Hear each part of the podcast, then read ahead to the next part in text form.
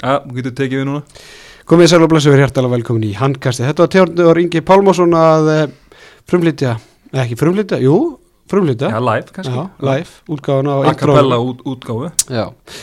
Herru, við erum ekki í Svæp-stúdíónu, það var smekkfullt í kvöld, þannig að við fengum eh, bara afnóta stúdíónu hjá vinum okkur á .net. Mhm, Ekki fyrsta, eða svona við erum verið nokkuð sem maður Já. og, kunnuðum bestu þakki fyrir Þakkum hálega breið fyrir og strákum á, á fótboll.net. Takk fyrir þetta. Herru, uh, við getum ekki sagt að uh, átjáta umferðin í Ólisel Karla sé lokið því að henni líku nú á miðugdæðin með leik Vals og Fjölnis en við ætlum að hins vegar að fara yfir umferðina og með sérfræðingnum í kvöld eins og það heyri, Theodor Ingi Ponsen og Ingvar Arn Ágason oftar þekktur sem uh, Bissukallin. Miklu frekar, Ertu hjertalega velkomin, uh, Bissen? mikla þakkir Gott að vera með ykkur Kallar, kallar Gaupið ekkert Bissen? eh, Nei, hann er, hann er að kalla mig Áka þess að dagana Áka, já? Já, Ekki Flott átt, Áki minn en Átsi. Nei, það er svona næsta Það er svona, við erum konar það stig núna upp á Suðlandsbjörta, það fer svona detti í Átsi. En á, Áki er flott. Það er er svona æskuvinni minni kalla mig Áka Gaupur og æskuvinni minn, það er bara flott. Það er gott sko. Hann náttúrulega byrjaði þetta, þetta fastegna sæla grín á mig sko. Já, það er svo leis og, hann á líka Ponsen. Hann átt allt svo Já, já, Kókunni. hann er flottur. Já, já. Herri stráka, við erum að sjálfsög í bóði BK Kjúklings. Þetta þú erum búin að vera dölur hjá alla síðustu dagan og, Já. og byrjar að mæti rektinni Ég þangabúin. ætla bara, þú veist, ég horfði á mig í speklunum áðan og ég er að ná svo góðum árangur þess að dagana að ég bara nánast brotnaði niður þegar ég leiti í speilin, það eru 3,5 kíló farin á einni viku og það má að, jú, góðar og, og stífar æfingar en, en uh, BK-in er búin að standa fyrir sína þar líka og ekki bara Ponsen Special heldur er ég farin að vinna þess með hérna salati líka Hvort þetta þá? Er annað með uh, steikta ekkinu og, og, og sætu kart, karteblunum Nú, það er eitthvað nýtt. Nei, það er, heitir ekki sportsalat Það var alltaf BK salatið, svo Já. var special. Já, það er eitthvað sem heitir, ég man ekki, ég man ekki hvað þetta heitir en, en þetta er allavega með steiktu ekki, kjúkling, sætu karteblum, Já, ok. moi, moi bien. Bissan, bjóst þú þetta til eða? Þetta, þetta var afgangar þegar ég var búin að taka alltaf góða sko, þá var þetta sem var eftir uh, kefti eldum rétt fyrir fjóra og hérna skildi þetta eftir og Ponsan fekk að geta þetta Heldur betur. Herri strákar, þetta er nú kannski ekki umferð sem verður um, svona Lengi minnum höfuð. Nei uh, Þetta er búin að vera duglegur á, á chattinu á okkur strákunum í hérna um helgina að minnast á það hvað þetta er búin að óspennandi umferð en það er samt fullt af punktur sem ættir að ræða og, og hérna ég held að þetta verði spík feitur þáttur Mm. ekki Já. bara þetta mér samt en ok Nei, nei, bara, bara tökum þetta alltaf okkur bara. Akkurat. Herru strákar, uh, bara áður en við byrjum um hérna að ræða um ólistildina valsararnir, þeir eru konur áfram í, í Challenge Cup unnu tyrkneska liði Beikos, eða bara Bacon Mm -hmm. Það er ekki saman á það? Jú, Jú, jú, 100% Samanlegt 57-55 eftir að unni fyrirleiki 26-25 og svo 31-30 Ég var hans að kíkja á hérna Euro, eða hérna bara EF síðan og það er nú svona, svona nokkuð spennandi en líka óspennandi lið sem er í, í pottinum. Er, er túrda? Túrda að sjálfsögur þeir þarna. Potta þess að túrda Þeir eru hérna unnu Ég held þeir Manni hvort þeir hafa unnið sænslið En hérna þeir eru allavega unnu með minnstamun Væntalega verið gott þarna brúnt umslag sem við beðið Já inn í klefa eftir þannleik. Og hérna þeir eru þarna ásamt uh, Búkaresti Sem er líka frá Rúmeníu Mm -hmm. Síðan er rúsneska liði Viktor uh, Norska liði Halden Gríska liði Athena uh, Og tvö tjettnesk liði Dukla Prag Var, Kefti ekki F á við Dukla Prag Uh, nýlega Var það? Ég veit ekki. Og síðan. Kar hljóma svona sennilega og svo Karvína. Var, það var eitthvað tenging við hérna, einhver íslenslið keft, eða hvort það var Selfoss? Þetta var tenging við Petur Bamrúk Já, það getur F að spila eitthvað teknisliðum en Já. já, ég bara maður ekki, sorry. nei, það er nú bara eins og það er. Uh, þannig að það verður spennandi að sjá hvernig, eða hvaða lið Valur fær. Er ekki, er ekki vonað að fáið norska lið haldin er ekki alltaf, er gaman að svona meta sig við norsku Jú, Deildina? og hópferð. og það var svona líklega að, einmitt að, að þeir spilin nú heimalegin hérna heima það sé ekki að selja nei, við viljum náttúrulega sjá, sjá þessu Európa-leiki hérna heima Mhm. og maður skilja náttúrulega þeir hafi selt selt uh, heimalegin út er svona um er að ræða svona langt ferðalag Mm -hmm. Aðtilsvert að, að ég vissi það reynda ekki að þetta valsarði kom bara strax inn í 16 úrslitin þannig að það er bara áttalið eftir í pottinum Já, það var bara fyrst umferð þeirra núna Já, já, Já. já. voru búin að vera tværum fyrir undan þannig að Mhm. Er eitthvað ástæð fyrir því? Kannski bara gott gengi í þetta er undanverðin ár Já, tengt. alltaf Valur fór í undanúrslit og IBF einnig já. Þetta er svolítið okkar, okkar kemni Já. ha. Vitu eitthvað hvernig næsta umferð er? eða? Nei, ég var enn að komast ekki að því, að því eða, jú, ég getur örugglega komast að því hvernig hann er en ég sá ekki hvernig að vera Uh, já, Næsta umferð, nei, ég sé það ekki nei Það er nú bara eins og það Bara svona hvort að við séum að spila eitthvað mótið fram til júni eða Já, það getur náttúrulega vel verið ef, þeir- fara áfram. Já, þannig að það verður tek- eins og var þetta ekki fyrra? það, það var, í, það var í hitti Það sé fyrir það það, í- já, IBF, hérna FH það var alveg hundleðilegt maður. Já, Ég heyrði hérna einum leikmæri vals í, í dag og, og þráttur hafa komist áfram þá myndist hann samt á domgæslan og, og, myndi, eða það er held ég að fara georgískir dómarar. Mhm. og sagði bara að það var eins og þeir hafa ekki séð handbólt áður. Þetta er Þetta En ég meina, þú veist, maður veit náttúrulega ekki um styrkleikana á þessum tyrknesku liðum en, en alltaf eins og þeir lístu þessu á, alltaf voru bara erfiðar aðstæður, alltaf alltaf erfitt að fara í austantjaldi, alltaf mikið læti og, og uh, fengu svona að komast upp með kannski aðeins harðari varna leikheldur en kannski liðin hérna heima á móti völsörunum, þannig að þeir voru alveg bara þeir vist sundur og, og saman en bara vel gert að komast í gegnum þetta, þú veist, og maður hefði alltaf haldið fyrir frá að valur ætti að vera með sterkara lið en eitthvað tyrknest Er ekki þekktir ekki þessu að hérna, vond líkt í húsunum og Jú, hverju lendi því, var ekki, var það self, svona, það sem var bara hérna svona sólskin hérna það var einhvern sem spila með derhúð þegar það var bara gluggi upp eins og ekki þetta Það er ég held að það lefi á tímann. Það er svona, mér minni það.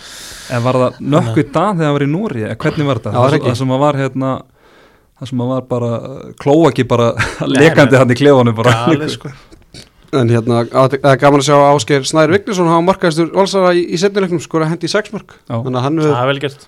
hann komið tilbaka eftir erfiðan leik hvað á móti afturleikaði ekki? Það var á móti haugunum Haugurum, já, þar sem hann átti einhver, einhver skot að með þánga 0-4 En hann, fær náttúrulega sviði núna í á val hann bara vonandi að gangi vel hjá hann Mhm. Herðu, við erum hérna snemma í því í dag, Selfoss afturlingar að klárast eftir eh, 45 sekundur en, en staðan er 34-27 og er ekki bara fínt að við bara byrjum að, að fjalla um þann leik, strákar, áður við bara förum að segja markaskorið þegar leikunum er búin en, en þetta var bara eh, eins og margir leikinir í, í þessari umferð bara ekki nægilega spennandi. Má svona, það er mikla trú á þessu leik fyrirfram að þetta er mikið spennað en, en bara selfisingarnir fór bara illa með það? Já, sko, fyrir mitt leiti hérna, að því að nú var ég um daginn að hérna, lýsa leðilegsta leik, eh, ekkert leðilegsta leik, nei, svona skrítasta leik sögunar, hérna, valur aftölding, þegar aftölding neita að vinna leikinn hérna um daginn, muni getur lélustu loka sók bara, Já, sem var ekki sók sem var ekki sók, það voru bara svona, eh, þetta var eins og einhver sendingarleikur lappandi, þetta var mjög skrítið, að hérna þá hugsaði bara að það vantar nú tuma í þann leik. Og það vantaði, tumi var ekki með nú er tumi með og, og þá gauti ekki með sko, þannig að það hafi bara engan hérna tolerans fyrir því að það vanti einhvern úr útilínunni og það er bara allt í skrúinni sko, þetta var tumi líki daga því hann er svo eitthvað, mér finnst það svo klókur og flottur leikmaður. Ég held að hann átt bara 6-7 sendingar sem Hann var bara út í kustskaft þarna. Sjötabaða bólta Já, þú veist, þetta var bara glórlöst sko, einu einrandi tekur hann að leikli og þarf að ganga hvernig veit leikmann og, og spyrja hvort það sé ekki alltaf lægi heima hjá þeim og hérna, bara hvort þið nenni þessu bara eins og maður sé á turneringu, ég er bara aldrei síðan eins. Nei, og hérna ég meina Birkir Ben hann valla að horfa marki í fyrirháleika en hann endaði með nýju skot og fjögur mörg Karl Strópur sem er þrjú, þrjú skot, eitt mark þannig að það var eiginlega Guðmundur Átni Ólafsson sem bara held þeim á lífi. Hann endaði með, eða komin 11 mörg úr 13 skotum og það hann enda 6 úr vítum. Já, já, þannig að, hann var þetta geggar í vítunum og með eitt hann mjög skemmtilegt hann svo snuttu víti? Já, hann hattar það ekki. Uh, Arnur Freyr með 11 var að bolta 25% markvæslu, Björgur Frans kom hann og varði tvíveis frá Hauki Þarstað sem er víti á, á innan við 2 mínútum. En þetta er svona það er brekka í mólusbænum eins og á fleiri stöðum. Já, mér slíka bara veist eins og segir að, að náttúrulega voru að ræða að þeir eru mega illa við þegar vantar eitthvað og, og þá náttúrulega því er ekki að, að menn eins og Birkir eigi oft dag og svo var hann ekki eitthvað veikur, samt voru hann ekki eitthvað að tala Jú. um hann hefur verið veikur fyrir dag. Já. og hann var alveg svona dofin sko, það er helvits pest að ganga. Akkurat. Það Fúfan. og, og svo er hérna uh, bara markværslan hjá afturhildingu búin að vera hún bara valla búin að vera til staðar í eftir áramót. Hann Nei. enda nú með 11, 11 bolta en, en, en sko Arnur búin að vera meittur og er að koma tilbaka og var hann ekki búin að vera eitthvað tæpur? Jú, hann, En- meina, hann er samt að spila. Ég meina hann er búin að spila Já, með, já, með, með leikjum eftir áramót Já, já, já. Nó, nó, ég segi nú bara ef þú ert, ef þú ert með þá ertu heill. Já, auðvitað, já, ég er sammála því. Eitt stig í fyrstu fjóru leikjunum á nýja ári Já, aftur líka. Já, og veist, nú, eru margir að tala um og svona tengja þetta við að því að ekki gengi vel á Gunna heldur með haugana þú veist, ég veit ekki, það er kannski eitthvað sem við förum mjög eftir eða ekki, ég hef ekki hugmyndu það. En hérna Gott að lifa í óvissunni. Já, tengi, þú veist, finnst ykkur það eitthvað að vera að halda að það sé eitthvað að trubla hana í Mosó eða? ég, sko, maður veit ekki af því að svo hinvegin sko veist þá hefði maður haldið að þetta geti líka verið einhver, einhver vítaminsbrautar komin í þjálfari að þú vilt sína að þú Íbjöð aðferð á fljúandi siglingu Erlingur Richardson alltaf frá með og að- að tala- ertu að tala um að það er að vera frá í Nei, ég er að tala um að það sé að koma nýr þjálfari Ég hætti eða- að minna annars tjöfuli Já, ég er að tala um það sko, ég er aðalega það. Ég er ekki að tala um að verið frá. Eins og hérna, hérna Jóhann Gunnar bendur ná það er bara oftast skemmtilega æfingum og eitthvað en ég held að það sé ekki að tröfla sko en, en á, hinvegin þá hefði maður líka haldið að, að það er náttúrulega að koma að koma nýr þjálfari og þá náttúrulega byrja allir með, með reynd blað og vilt kannski Já, sína, sína nýja þú veist, þjálfari sem er að taka við er náttúrulega fylgjast með og, og horfa, horfa á leikin og greina þá vendalega og, og þú vilt náttúrulega sína nýju þjálfara þú, hann, þú sér drausins verður Já. og að þú vilji verið í stóru hlutverki og honu líka þannig að mér veist það getur kannski farið bá- 50-50 farið á bá- þetta báðar með, áttir sko, en, svolítið aðtiklisvert að því að haugarnir eru unni líka Já, já, en ég held að það sé tilvölun sko eða þú veist, Já. ég held bara, veist, að því að menn er að tala um eins og þessi töp, jú, ég menna, þú veist, þú getur sagt einhvern tíma fyrirfram að, að þetta er náttúrulega verið jafn leikur, sko, en, en þeir voru samt að spila við uh, Íslandsmeistari Selfoss og þeir, þó það vanti ykkur tvo stóra pósta frá því fyrra ég menna, og svo ætlar það kannski að taka leiki þannig geðið peppaður og þú ætlar að hérna, stoppa Haug Þrastason en svo bara hliðin á hann með annar 11 ára gæði sem bara næsta efni og svo hinum meginu bara annar 12 ára. Og þeir, þeir eru bara störla góðir. Og ég menna Magnús Ötur alltaf komin í eitthvað ég er gott stand og bara lítur vel út og, 6 mörg og 6 skotum. Já, þessi, hann var bara geggjarleiknum og hérna, tók hérna hérna undirhanda snuttu upp í, upp í Samúel. Já, ég meina, þú veist, já, þeir, þeir eru bara mjög vel mannaðir og meðan hann hérna Alessandri í markinu svo er þetta geggjar. Hann í stjarta að fæðast. Já, markmaður að fæðast í, á Selfossi. Nei, hérna, já, og þú veist, aftöldin getur au- augljóslega að tapa svona leik, en mér er svona bara merkilegra eins og segja, þessi leikur, hvernig voru á mútið val í lokin, það er eitthvað svona dóði, það er eitthvað svona, það er eitthvað andlesi, sko. já, já. En því hvort það sé tengt einu andra, veit ég, ekki humda. og kannski er, er þeir uh, afturheldinga að fljúa svolítið undir radarinn af því að við verðum svo mikið að tala um haukan og hversu illa þeirra að byrja með þeir eru með tvö stig úr, úr þessum fjóru leikjum og afturheldingurinn er bara með eitt stig Mm og svo náttúrulega vinna reyndar góðan sigur um átt í er í, í byggandum þannig að það er kannski eitthvað aðeins að spasli spasli sárin en, en uppskerinn eftir áramóti í afturheldingum bara hlýtur að vera vonbreið með hvað þau voru öflögur hérna fyrir áramót sko. Já, absolutt.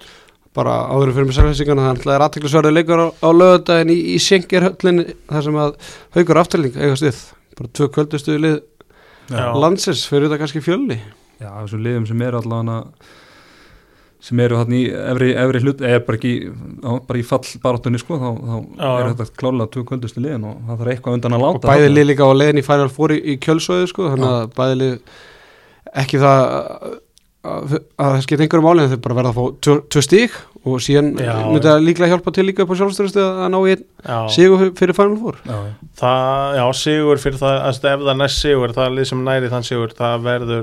já, verður einn mjög kátu þjálfari í leikslokk. Það eru selfinsingandi við óskuðum þeim að sjálfsögðu til hafingi með sigurinn, tveir sigrar í, í röð, uh, með skjáttlast ekki unna alltaf selfos í umferðin, nei unni káa fyrir norðan í umferðinu á undan og, og töpuðu gegn IBF þar undan, þannig að það eru tveir sigrar í, í röð. Eins og við sögum að Magnús Öttu með 6 mörgur, 6 skotum, Haukur Þrastásson markaðistur að venju með 11 mörgur 19 skotum, hann þurfti nú aðeins fleiri skot en, en vanalega, Alexander Hafgelsson átti príðisleik annan leikin í röð, Einar Baldvin Baldursson, hann kom í hópin aftur við þetta já, við vorum nú búin að tala um það að, hérna, að, Sölvi væri nú líklegri til að halda sér á bæknum með, með það væri meiri stemming að honum á væri, bæknum væri meiri stemning í honum en reyndar eftir að við tókum við þáttin þá hérna, horfði ég á setnu bylgin og það var við tala við Grím Hergis og það er svona orðum hans að, að dæma þá. Það var svona eins og þá talaði hann um að, að einabaldin hafi verið byggleginum út í stjörnunni og Sölvi hefði komið inn í síðasta leik og þeir væri bara svona að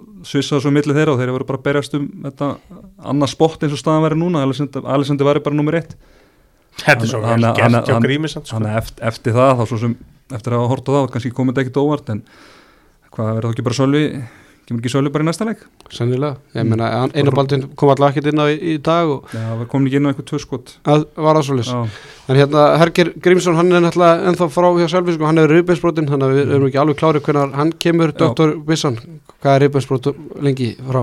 Ég veit það ekki maður Það er Getur þetta er ekki verið bara það er sko, það er með brá, brákaripin sko, þá er þetta kannski bara vika tvær sko, en getur hann er verið búin að frá núna í eitthvað tíma. Já, Já, ég held að þetta getur nú bara verið fjandi lengi sko. þetta er, er, ég er nú lent í þessu þetta er, það er ekkit Þú veist sérstak það musteri sko, Það er kannski ekkit- það er öðru ekkit- sem það er þig. ekkit- það er ekkit sérstak að spila handbólta Nei, ég held að þetta snýst um það að þú getur þetta en spurning hvort það sé að fara að skemmi eitthvað þannig að Já, já. ég held að sé hætta bara á einhver líffæri skemmist og annað sko, Já, það er ómöld að segja en vonandi fyrir þá að hann verði allan með í, í úslakefni hérna, það lítur að vera. Já, ég, það. ég spáði því að hann veri komin eftir, eftir Final Four. Og ég hitti nokkvað Dan Elliðarsson fyrir í dag á förnu vegi, hvað heitir hann, segðu okkur að það var í vörklas það er Það það er ekki farin við og fyrir marga en en, alltaf en hérna en hann tjáði með það að hann verður líklega bara klár eftir hérna Final Four. Fyrsta leika eftir Final Four. Ok. þannig að það, hvernig lítur hann út? hann bara var glæsilegur. Hann er ekki? Jú, Já.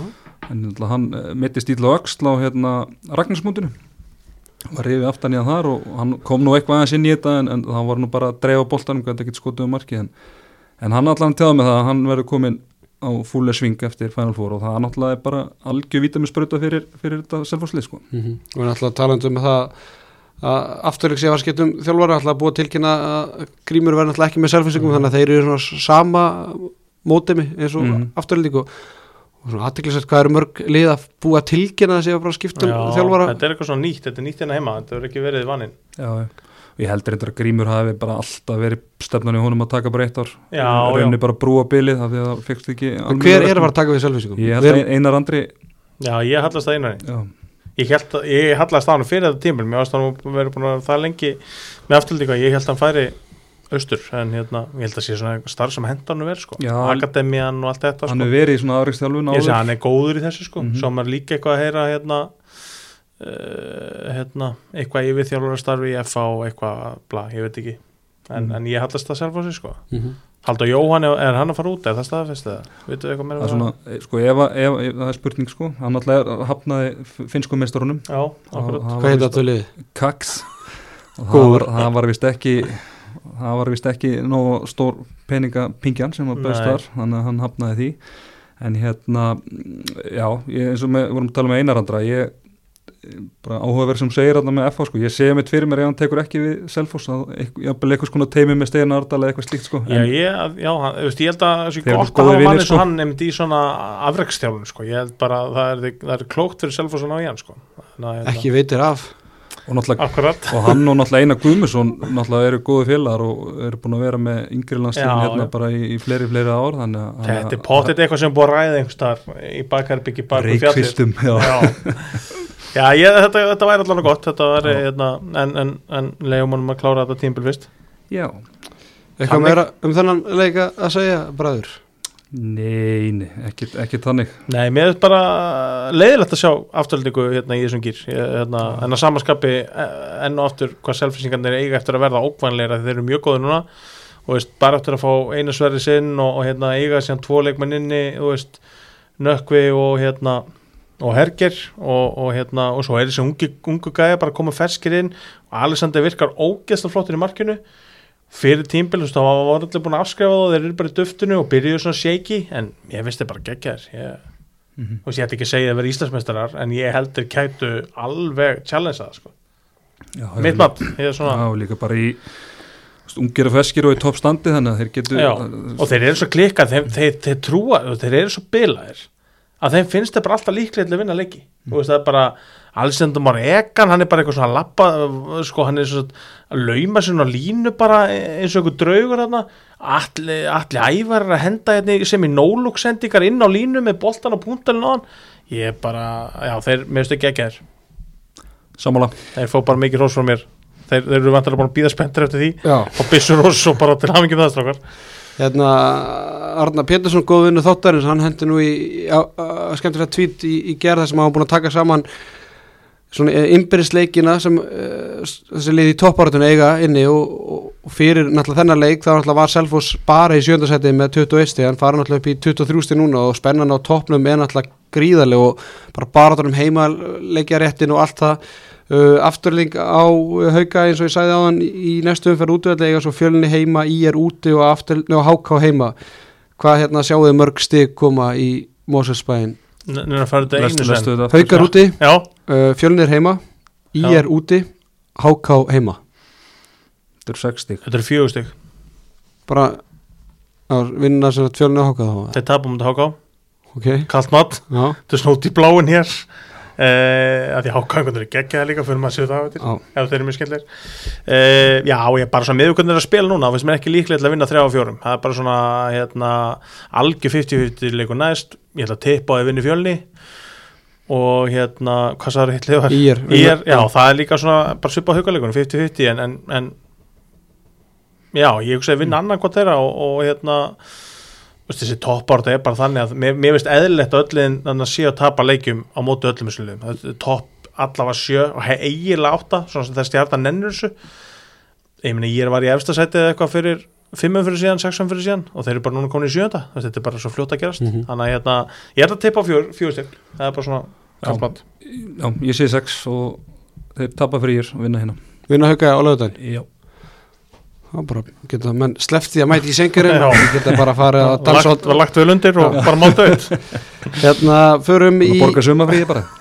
Förum í kaplakreikan þar sem að FH tók á móti í er fyrirfram eins og áðan bjóst maður við hörkuleik en svo var svo alls ekki 11 marka sigur. FH staðrind 39-28 þar sem Fyld Dölir var frábæri marki. FH með 15 varða bolt og Birki fannar 2 Áspjöld Friðriksson Einar Rafn Eðsson markaðistir FH með 7 mörg hvort og Birki var Birgisson 5 hjá Íringum var Óðinn Sigursson með þrjá varðabólta og Siggi Ingiberg með eða Siggi Siðill með 8 varðabólta 25% markvæslu Hafþór Vignesson markaðistur Íringa með 6 mörg og Björgun Holgers og 5 mörg úr 10 skotum. Strákar fréttir gerkvöld sinns voru alltaf þær að Siggi Siðill hafa bekkjaður.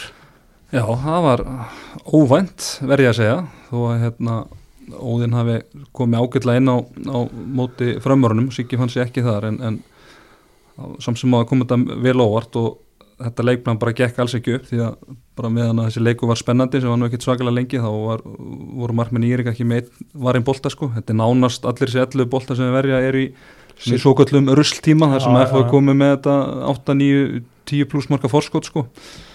Þannig að jú, jú, það er kannski uh, Siggi náttúrulega búin að vera mjög stöður í vetur og, og, og kannski búin að eiga svona aðeins svona dýfur núna upp á, á síkastu og kannski að Bjarni bara eitthvað að reyna að kveikja hann með eitthvað, ég veit það ekki en, en hversu sem pælingi var á bak við það þá allan getur sagt núna eftir á að það hef ekki, ekki virkað. Nei, ég, ég spyr bara þú veist, á ég er eitthvað efna því þá er ekki að tala um peningalega síðan að bekkja Sigga sem er búin að vera frábær og ég held að setnibilgi sem búin að taka það fram í síðustu þáttum og við líka hann er búin að vera bara eitt stöðasti markmaður deildarinnar og ég er var ekkert nema 7. 8. sæti slið fyrir tíaflið Nei, og eitt af því sem hefur svona breyst þá náttúrulega bara markvæslan hefur stór batnað þannig að maður spyr að- hefur Bjarni Ferits efna því að vera bek, að bekka svo góða markmann þegar þú ert með Óðin Sigursson sem er svona, hefur verið svona inn og út úr bara sportinu síðust ár Þetta, þetta var alveg sérkennilegt að sjá þetta og hérna ég hef náttúrulega ekki hugmyndið það hvort að sé eitthvað annað að baki en að hvort að sé eitthvað testament bara, ég veit ekki en, en eins og uh, þetta kom inn á þetta ef þetta var eitthvað tilhörn þá, þá klikkað hún uh, eftir áhyggja ekki rétt ákvörðin Nei. en samt sem að auðvitað að segja það núna en en sko íringarnir þeir að vera að fá alveg svakalega mikið mörgum á sig upp á síkast það spila samt svo hraðan bolta sko. Já, já, en ég meina sko 39 mörg, fá sko 38 mörg á móti hérna afturhaldið byggjandi með daginn. Já. og fram sem er nú bara uh, með fullir veringu bara örgulega lélast á sóknarlegi deildinni allan með þeim og lélega eru búin að mm, taktist og markvist búin að að hæja sóknuna sinnar og, og hvað, allt það sko. hvað skoraði þeir mörg á því síðustu? Það var eitthvað, það fór, hvernig fór þetta áttur? það var eitthvað mjög mikið allan með við 28, 24 Já, Já, svona tu- bara. Já, 28 samt alveg Já, Við já. liðum meðal Það minnir meðaltali fyrir- 38 samt. já, Það er Við hérna- meðaldali fyrir Já, já, já, já, ég er sammála því uh, Nei, þeir eru bara búin að vera já, ekki, ekki byr, hérna- byrju svona, komu vel undan, undan fríinu náttúrulega skildu sigra en, voru svona frekar svona alveg þokkalega samfærandi í, í þeim leikjum sko. Já, en, já, en voru náttúrulega algjörlega horror á móti fram sko. Já, ég er Þannig það, hérna, og bara ennþá týndari síðan í, í gær sko. byrjaði eiginlega þarna byrjaði eiginlega í þessum byggarleika móti afturhaldíku þetta, Já, ég er sammála því þessi krísa þarna sem eru í núna sko. En hvað er það? Vistu, þannig er búið að tilkynna að sé búið að ráða Bjarnar sko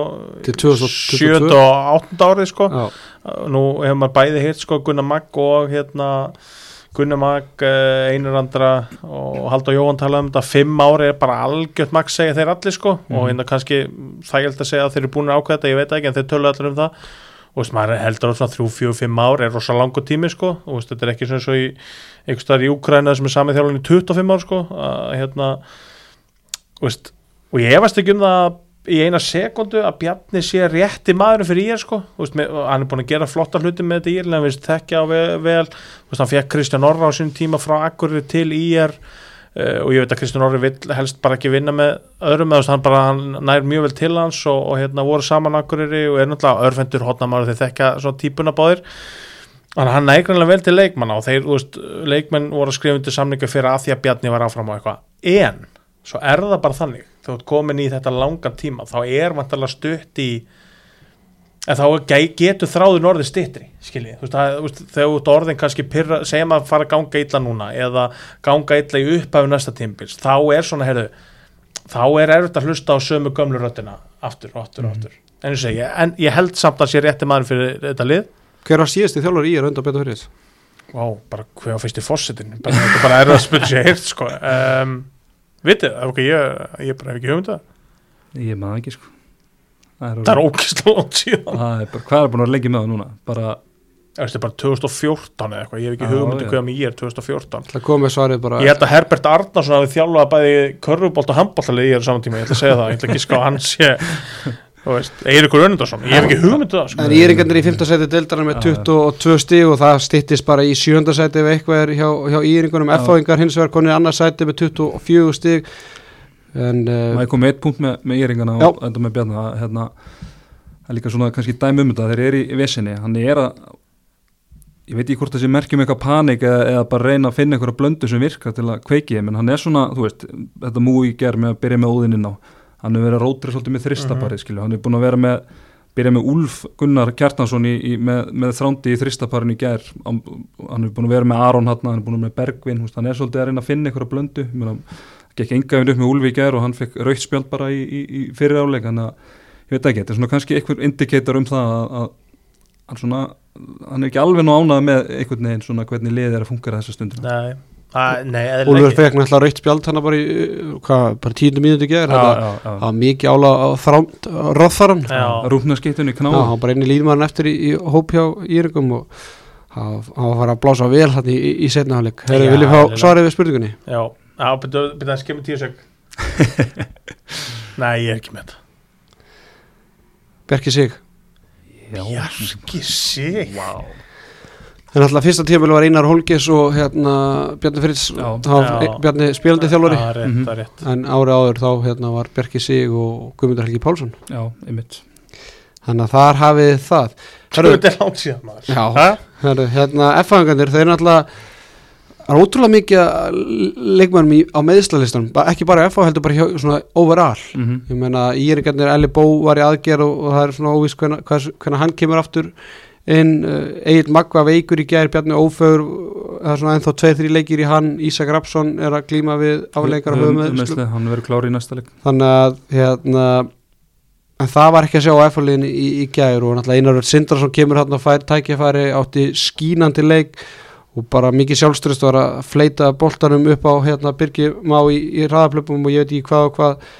Uh, Jói bara alltaf solid og bara skila sínu þarna og Já, meina, Jói bara- þú veist, Jóhann Birgir, hann er bara í byrjunliðinu hjá geggjör og ég, ég meina, hvað hva ætlar Stein að gera þegar að, að vera allir klárir? Já, ég meina, ég held að Jói allan að virka vel á hann Egil hérna, statt út Ég myndi gæra alltaf að starta Jóa sko. Já, og svo kemur bara Egil í rótiringuna Ég með myndi sko. alltaf að starta hann, já. Já, en, en ég bara, ég er að tala um sko hvað ætlar hann að gera bara með leikmannhópin Hvað, bara móð góðan hóp? Nei, nei, ég meina, hverjir er að fara dætt út úr hóp? Ég meina, ok, þeir, Gísli eh, Martin, Gísli Jörgen Gísli hérna, Jörgen sem að reyndar hérna geggja Ber- stundu Benedikt- Benedikt já. Bjarninsson Ok, En, en hver er, allar að henda einar sindra bara úr hóp? Uh, nei, já það er, já, þetta er, þetta er góð pæling, ég meina það þýr að Það drulllega meira yfir mig hérna áður en að- að reyna að reyna Nei, bara eins og þetta sé eitthvað svaka vandamálum og góðan hóp þetta sem ég ákvæmt vandamál, ég veit að þetta er lærið það sko. mjög- það er mjög langt síðan að, jú, jú, Valur svona þegar allir voru heilir í, í svona fyrir eða þessu tíðanblega hérna og svo kannski fyrir að þá var svona einhver einn, tveir góðir ungir, Já, en já, ég meina Þetta því skilur að, að bara segjum sér svo að núna þeir sem eru fyrir utan eftir að koma inn, það er Bjarni og fyrir Egil og Ísak Mhm. og þá Gísli Jörgen og, og hérna, Benedikt Elvar myndu á dett út, það, ég meina það þýr allir hinir eru bara ættu bara að vera í hóp skilur þannig að það er Já, allan með 15 Þá ertu bara bara sem, eiga, 15, sem já, já. gera tilkallum að vera þannig að það verður allan ein, einsleggja en það er jákvæmt, það er gott að sé þú veist, þá er menn bara að leggja sér þúsund prosent fram á æfingum og, já, já. og það er engin örugur sko. Þeir hafa ekki í þessari stöðu heldur og það hefur alltaf verið ykkur 1, 2, 3 mittir og það verður þannig líka eftir það þurfum við ekki á neinu Það er er um verður alltaf einhverju meðsli þarna og einhver sem er að koma tilbaka kemur ekki strax og. Mhm. en hérna eh, Ási, hvað er að þessum gæja? Segðu mér Nei, ég meina, þetta er asnalegt.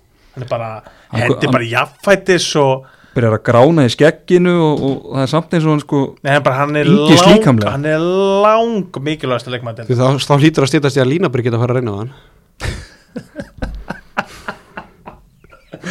Æja, já, já, góður. Akkurat. Þessi var Bissa róla bara, bissa róla Þessi var óvæntur. Næstu, bara þess að mjóvandur En hvað sér, langt leikmaður Ég deildar bara, hann- Haukur Þrastason hold, my- hold my beer. Ok, ef við tökum haug út úr mengið af því að hann er svindkall bara í já. nei, þú veist, að, bara að ási sé á þessum, bara þessum árum núna að blómstra svona mikið ég, ég veit ekki, mér finnst það bara svo astanlega góður með aldur, ég Já, bara, bara svo er hann bara veist, hann, haga sér eins og sé 22 Þú veist, hann er bara eins og sé, hann hendi bara jafnvætti sér það er ekki allir í því. Nei, nei, og ég meina líka við bara erum sem- ekki margir sem getur það. Nei, nei, ekki lengur, því miður. En hérna, en það er líka bara með hann Hann verðist bara hann hugsa gríðlega vel um sig og búin að læra gríðlega inn og líka með náttúrulega þegar hann var alltaf að missa út leiki og leiki vegna meðsla, það er eiginlega bara, hann er valla búin að missa út leik síðustu, hann er síðustu 2-3 ára nei, nei, og hann er líka bara svo solid. Hann gerir alla alltaf betri kringu sig bara eins og munin og honum og kannski ungu leikstjóðundur sem við vorum að tala um áðan eins og Tuma sem, Mhm. þú veist, sem er efnilegur og er að gera sér mistök eðlilega, hann er, hann er að vera tvítugur eða eitthvað. Að hérna ási verandi 30 pluss hann bara gerir af alla mistök skilur, og þetta er bara svo geggja að eiga svona gaur, þú veist er eitthvað með þjálfar inn á vellinum? Ég er svona, já, ég er svona hugum minn gaf hvert F á hvort þeir getur Íslandsmeistar hefur svona snúist svolítið og í þá átt að þið geta það sko. líka bara eins og með einarafna náttúrulega hann, þegar hann kemur heim frá Nóri þá er náttúrulega bara hotnamaður og hann er náttúrulega bara einn besta hæri skiptan í, í deildin í dag. Já, Og það er náttúrulega bara- ár. Já, og það er náttúrulega kannski fyrra þegar hann var glimað meðsli Já, og það er náttúrulega bara stóru hluta áspilni fyrir sinni því að hann var bara með hann í liðveslu fyrstu tvö ári þegar hann, þegar, þegar byrjaði sér stöð og var bara endalust að segja hann til og, já. og á hvað mómentum hann á að koma og gera þetta og hitt ég held sér lágætt að hafa ásæmund að lesa þetta fyrir þig og, og skilur, þetta er bara, svo geggjaður.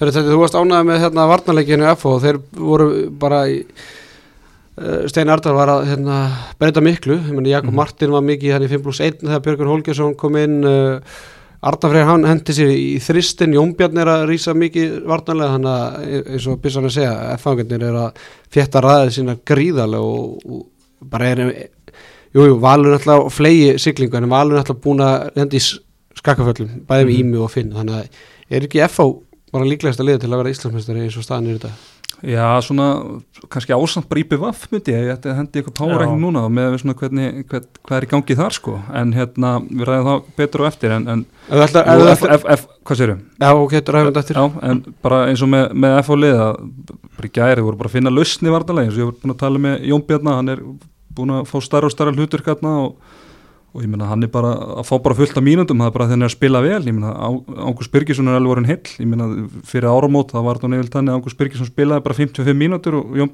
kom inn á þegar hann fikk tværmínútur eða eitthvað, eitthvað slíkt sko. Mhm. þannig að hann er bara komin í stórt hlutur og var mjög góða varnarlega ger og Arna Freyr spilaði þrist í ger, aldrei sem spilaði þrist áður. Gerði það bara mjög vel. Það er nefnilega oft hannig með græða liðin bara helviti mikið á þessu mm. já, já, því að eins og segir þarf að finna lausnir ég meina Jónbjarni, er hann í, í sko leikmannhóp FO Já, sko, Ísak hefur potið upp á línu var með tvö fyrir, og fyrir, fyrir svona þrejum fjórum leik eða bara, já, fyrir áramót, Já. eða þessi stað verið uppi allir heilir, þá er Jón Bjarni ekki verið er segja það, Ísak en er bara núna- komið inn og spilað og bara lína Akkurat. út í gústa eða eitthvað en núna það er- ekki séns að hann róp núna Nei. líka með örfendur á línunni, það er bara svindl Já, þetta er bara Gaupi óþægilegt. talaði mikið er erfitt að eiga við örfenda línum en ég En þú veist, þetta er bara, þetta er skrítið sátt, sko, þú veist, þetta er uh, öðru sér hann stendur öðru sér kannski Já, ég held að þú hafir að þú ert ekkert alltaf að æfa þess eins og sem- markmaður eða, eða varnamaður, þú ert ekkert alltaf að æfa þig gegn örfendu línumann, þetta er, þetta er klárlega öðruvísi og þetta er klárlega kostur. Sérstaklega líka út með línuna kannski mitt 1 og 2 það er miklu betra að vera hann að vera mitt 1 og 2 hægra megin. Svo myndu, ef þú vilja fá innlýsingar Já, vinstra megin já. þá verður bara með réttanda línumann Já. mitt 1 og 2 vinstra megin. Já, Þetta getur svindl. bó- boðið upp á mikla kyndingar og ég, eins og þið segja, hann er, hann er að spila mjög vel úr sínum spilum. Bara vel gert hjá hann að koma inn og, og, og negla þetta hlutverk. Mhm. og Döler heldur betur vakna og búin að vera frábær hérna eftir árumót og já, þeir útlending, útlendingandi bóða sem við gaggrindum mikið hérna fyrir ára mót þeir eru bara búin að vera frábærir eftir ára mót Já, já, Þeir hlusta okkur. hann og, og Georgi hér í Háká nei, hann fór það er líka ekki markmaður. Já, tveir margir Já, Pétur, Jóhann. Pétur Jóhann. Herðu, fyr- fyrst erum að tala um Pétur Jóhann þá vindum við okkur bara til Vestmanni það sem að eh, já, var annar eða þriði stórleikur umferðina sem að enginn aðeins spennandi. Engin aðeins spennandi en fullt af punktu til að ræða það. IBFF rótburstaði hauka 36 28 ég held að það að fara mest 12 mörgum yfir. Petar Jókanovic, Petur Jóhann Sigfússon. Með 15 var að bolta í marki IBFF Dagur Arnarsson frábær, ef við væri núna í sveipstúdjónu þá myndi ég gefa hann klapp en ekki bara geta Dagur Arnarsson 10 mörgur 12 skotum og 7 sköpu færi 1 tapaða bolti. Hákon Dæði Styrmesson geggjaður að vanda með 8 mörgur 9 skotum og Donni með 6 mörgur 8 hjá Haukum Heimir Óli Heimursson markaðist með 8 mörgur 8 skotum Andri Skering með 8 varðabolta og Gretar Ari 2 16% markvæsla Strákar hérna hvað er að byrja? Að byrja á IBF eða? Eða viltu alltaf byrja á því sem er svona gaggrinnis Já, byrjum bara í BF Já, þegar þetta er mörgulega svolítið góðan tími í haugana. Já.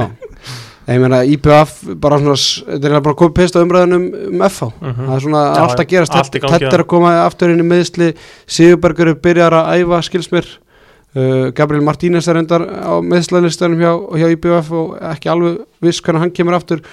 Gretar er farin að mæti í hægra hotnu og, og leika, sér, leika sér þar. Elli frábær vörn og, og sóknarlega. Og ég meina Dagur Arnarsson. Nei, ég meina Dagur Arnarsson hann fór úr því, ég ætla ekki að segja einn af lélærum munum deildarinnar fyrir áramótni kannski svona einn af þeir leikmunum sem var kannski mest að undirperforma, hann var bara ekki góður fyrir áramót og við gaggrindum hann mikið. vond framist að núna eftir áramót hann kannski bara uh, búin að vera bara topp þrýr í deildinni eftir áramót. Hann er búin að vera gjörsamlega geggjaður, leik eftir leik og hann er orðin bara svona leitón í þessu liði sóknarlega, hann er að taka skarið þegar þið þurfa mark og, og, og jæri jæri og ég meina hann með 90 mörgir síðan tölulegjum og hvað er að búin að gera oft taka oft hérna feintuna hótarinu með hann að fyrir tilbaka og tekur snúlan bara hann með fjóri fjóri í síðustu leikjum eða eitthvað. er bara, bara- bara þvæla, hann var sko unplayable í þessu leiki ger það var bara, þetta er bara einn besta Já. framistæða bara sem við sér bara í lengri tíma sko. Já, síðan í það síðasta leik, eða síðasta leik hjá hann, er, hann er bara aðstæðanlega góður núna og hérna, líður kannlega mjög vel. já, maður sér það og varnarlega alltaf voru eiginmennir sterkir, uh, þeir fá nýju hraðaplöp í, leiknum haugarnir 0 skora 7 af nýju hraðaplöpsmörkum uh, markvæslan miklu betri sóknarlega, gekk þetta bara eins og smurð vél hvað sko, endar í Tu- 36 mörkum mm uh, og ég menna sko, þeir enda með átta þetta endar í áttamarkasýri þeir voru komnir hérna 11 mörgum yfir eða já. 12 mörgum, ég held að myndu vinna hann að leik með svona 17 mörgum það var bara svona þannig, þannig var bara fílingurinn í þeir segðu að IBF að stærsta tap hauga í efstu deild eða hvað, nei, stærsti, sigur, stærsti sigur IBF er átjumarka sigur gegn haugum fyrir einhverjum 3-4 og árum. Ég held að, ég held að hérna, er þetta ekki ár sem haukar ég held að haukar hafi orðið svo Íslandsmeistar þetta ár, getur það verið það? þegar patti með það á það eða Gunni, Gunni fyrra, fyrsta ára hans Gunna Já, ok Já. Þannig að það, mér fannst þetta bara að vera að stýttast í eitthvað annað hann er rugg já, já. Já, já. það leita hann út en, en haugarnir svona eins og bara í síðustu tveimur leikjum þar á undan ná einhvern veginn að koma tilbaka þegar allt er búið og þá Já, lítur þetta ekki jafn ill út sko en, en Bessa, veldu tala eitthvað um IBF-lið, er þetta ekki svona bara komið pesta umræðinu Jó, um ég bara, jú, bara alveg sammála. Þeir, og þeir eru samt úr eins og maður vissi, ég vissi ekki alveg með fann, ég vissi mjög bjöf að uh, ef þeir eru á svona sínu róli, að þá er þeir klárlega eitt af þeim liðum sem er bara allra líklegust til að vinna serjur, þú þetta er Mhm. óþælt að mæta þeim, óþælt að fara til eiga, Við við erum horfa okkur gott á það Já, rittararnir Já. náttúrulega voru eins og herramenn þarna í, í stúkun með myndar af mömmu sínum og, og með plakkat þess að stóðu við elskum mömmur okkar Já, Já, já. og kannski gott hérna segvið þar að, úr, úr því að hann alltaf búið að vera svona umræður um svona framkant leiksins hjá IBF og móti. F og bæði það þeir hafi verið þarna, fengið að vera í stúkunni þarna með þessar myndir og, og hafi svo verið fyrir utan klefan hjá F Klefann, já, og syngja og tralla og berja hörðir og eitthvað að formaður og frangatistur hafa sér, þeir voru mættir á leikinn. Þannig að það er spurning, já, já, þarna helgina, ég. já, þannig að það er spurning hvort það er eitthvað að taka þetta út, ég sá nú að Guðmundur B. Ólafsson, formaður HSI og, og, og, og frændi minn, hann var nú hérna eitthvað spíkspórandi hérna á hliðalinni þeir eru ekki oft þarna Nei, ég er að segja að þeir voru ekki bara að því bara, lítur á ykkur Ég er að ástæð fyrir að það, tókuðu þið flugið það? Ég veit það ekki. Það er svo bara að rukka hörðum það? Allir hörðu að vísa ekki. Akkurat hörður borgar öll flugferð alla flugferði sem þið sendið á hérna, Það er spurning hvort það hafa ekki verið já, komum kannski betur með þetta en hérna er mjög góð pæling að, að hörður að borga fyrir en það hérna nóg til. En hérna, já, þetta eigalið ángríns bara, þú veist tala um ef þeir ná vopnum sín saman. Þeir eru nóg öflugir núna eins og síndu í þessum haukaleg reyndar hefnir að fá hauka kannski núna bara í þessari lægð þessari sprengilað sem haukar í. Að hérna já, ég er bara íbjaflið er geggja á góndi. Það er bara, þeir síndu það og, og hérna, og gera gott tilgatt til þessa titil sko. Mhm. Bara ég mynd til hafingi með frábæra en sigur og þið eru á, á góðri siglingu í, í deildinni förum aðeins í, í eigamennir þeir eiga fjölli í næsta leik í er heima háka úti og káa heima. Fjölli úti í er heima háka úti káa þetta eru rock solid áttastig Já, já, þetta er áttustig en IBF hefur samt verið að tapa stigum bæði núna og í fyrra á móti botlegunum Já, ég er held það búið samt- núna bara. ég held að- Það. er bara þannig gýr í þeim sko. Já, ég held að sé bara þeir eru uh, það ókvæmlega sterkir að hérna, akkurat núna bara að ég held að nýtið meðbyrjun og klára þetta. Fólk er að fara að mæta vel í húsið og Já, það er svona. úsla kemnis Já, já, ég ætla ekki að vera ósamalökur sko, en ég er bara svona að minna ykkur á það að þeir hafa verið að tapa ótrúlegustu Já, ég er alveg sammála og, hérna, og, og, og auðvitað gæti til þess íeringar komið, um að segja að þeir komið tilbaka í, í eftir einhvern uh, skemmtilega fyrirlestur eða pælinga frá Bjarna og búin að vinna sér tilbaka úr sinni lægð og sinni hólu sem þeir eru búin að grafa sér. Ég held bara að ég menn sjó góðir. Akkurat núna Það er bara, ég er nokkuð sammála því og, og þeir eru bara toppa hárið þenn tíma, þeir hafa vitt á því. Herðu, haugarnir, strákar, hérna, þriðilegurinn í röði í deildinni sem að tapast uh, fjóri á síðustu fimm, uh, síðustu þrý leikir alltaf, hvað, FH uh, Valur í BF, jú, jú, mótið góðu liðum en hvernig þeir tapa þessum leikjum en alltaf bara til háboruna skammar. Og maður sá það bara á samfélagsmiðlum í gæra að hauka fólk var allt annað en skemmt. Bæði fyrirleik var fólk var að varast þetta og svo alltaf bara meðanleik stóð og eftirleik Þú getur líka tekið hennar stjórnuleika fyrir fyrir áramót. sko inn í þetta. Þetta eru um fjóri tapleikir og sko ekki bara tapleikir, ég minn ok, þetta verið fjögur töpar í hörku leikjum og, allt þannig, þú veist, þá hefur kannski umræðan verið allt öðru sig, en þeir eru gjössalega skítap og í eiginlega öllum þessu leikjum þá hafa þeir eiginlega, þá hefur eiginlega skorið í lokin verið bara munur minni Já, en, já. en sko bara haugundi tekna bara þeim til bjargar já, eða svona. já, þú veist, þeir bara eiginlega allir þessi leikir átt að tapast bara með bara 10-15 mörgum sko já, þannig já. að Þannig að ég veit ekki hvað er í gangi en þá, náttúrulega, þú veist, sóknarleikurinn hefur verið náttúrulega bara aðsjóðum í, í vetur ég, þannig, sko. á ég ekki bara svara fyrir það hvað sé í gangi þannig að við sögum ekki að fabulera um eitthvað. Ég er búin að segja þetta áður og ég ætla bara að segja þetta aftur og nú hef ég unnið heimavinnum minna ég hef talað við bara leikmenn í, í liðinu, ég er mikið í kringum leikmenn í liðinu og hérna þeir hafa ekki beint sagt mér þetta en ég er bara svona að hlera þá og, og reyna að fá svona að lesa með línuna, að ég er búin að segja þetta áður, haugarnir þeir geta ekki æft. Þeir æfa ekki jafnvel og önnu lið það er náttúrulega bara staðan á leikmannhófnum bara er bara ekki betri. Þannig að það segir sér alveg sjálft og ég, ég veit nú ekki hvort ég hafa sagt þetta fyrr í vetur en viðvörunarbjöllunar hljóta hafa hringt. Bara í byrjun tíambili svo, svo reynslu miklu þjálfari eins og Gunnar Mag að hann hlýtur að hafa séð þetta fyrirfram að þetta lið er ekki að fara að æfa og verða betur og þróa sér leik með hverjum vikur og hverjum mánuðum og hverju æfingunni þegar þeir sko hvort þeir náðu tveimur fínum æfingum í viku þetta er bara recovery þetta er bara eitthvað teigur og hingað og þangað og svo er bara hálft lið bara tæft.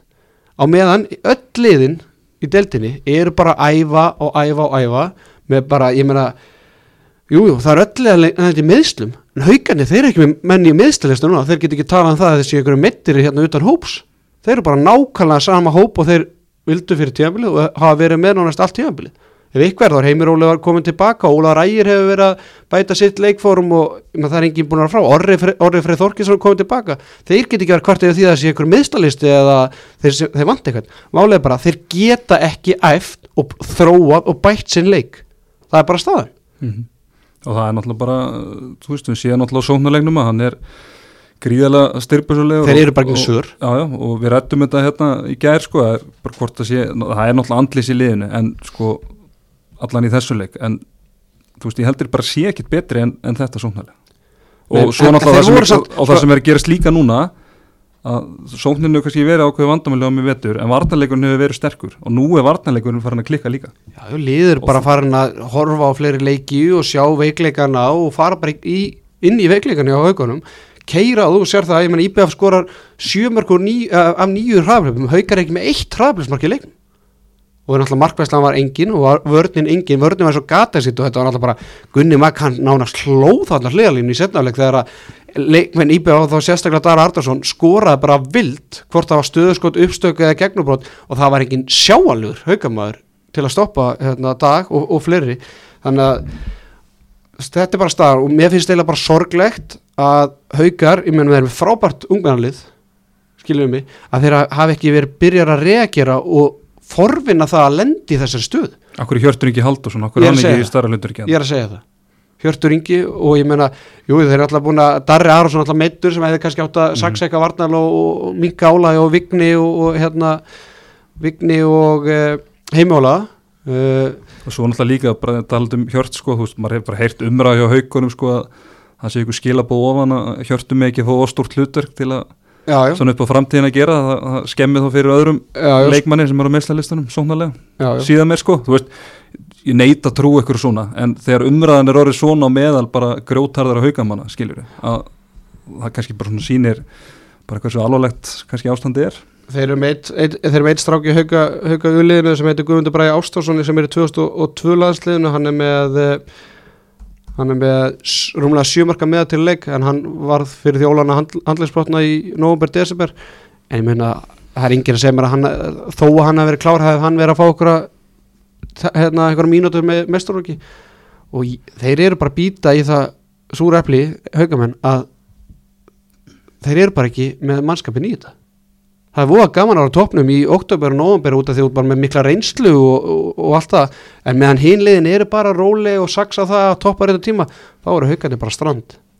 Og ég er Já. búin að heyra ég er búin að heyra í sko mörgum haugamönnum, haug, því ég sá þannig bara samfélagsmeilum í gæra að bæða á Facebook og, og Twitter, ég sendur á, á, af hauga hérna síður á Facebooka að hauga fólki er alls ekki skemmt. Og það hafa margir komið til mín bæða á, Facebook og, og heyrti mig bæði í gæru í dag þau eru fann að telja það þráttur að liði sér í byggar og leiðin úslæðikefni og í toparáttu að sko það er enginn að búast við einhverjum titli Þe- þeir, þeir eru fara að telja bara herðu, ég varstu við ná þrejum sigrum í þeim leikjum sem eftir er að tíðanbölun þrejum sigrum fjögur, já, bara með úsleitakefni Já, og já.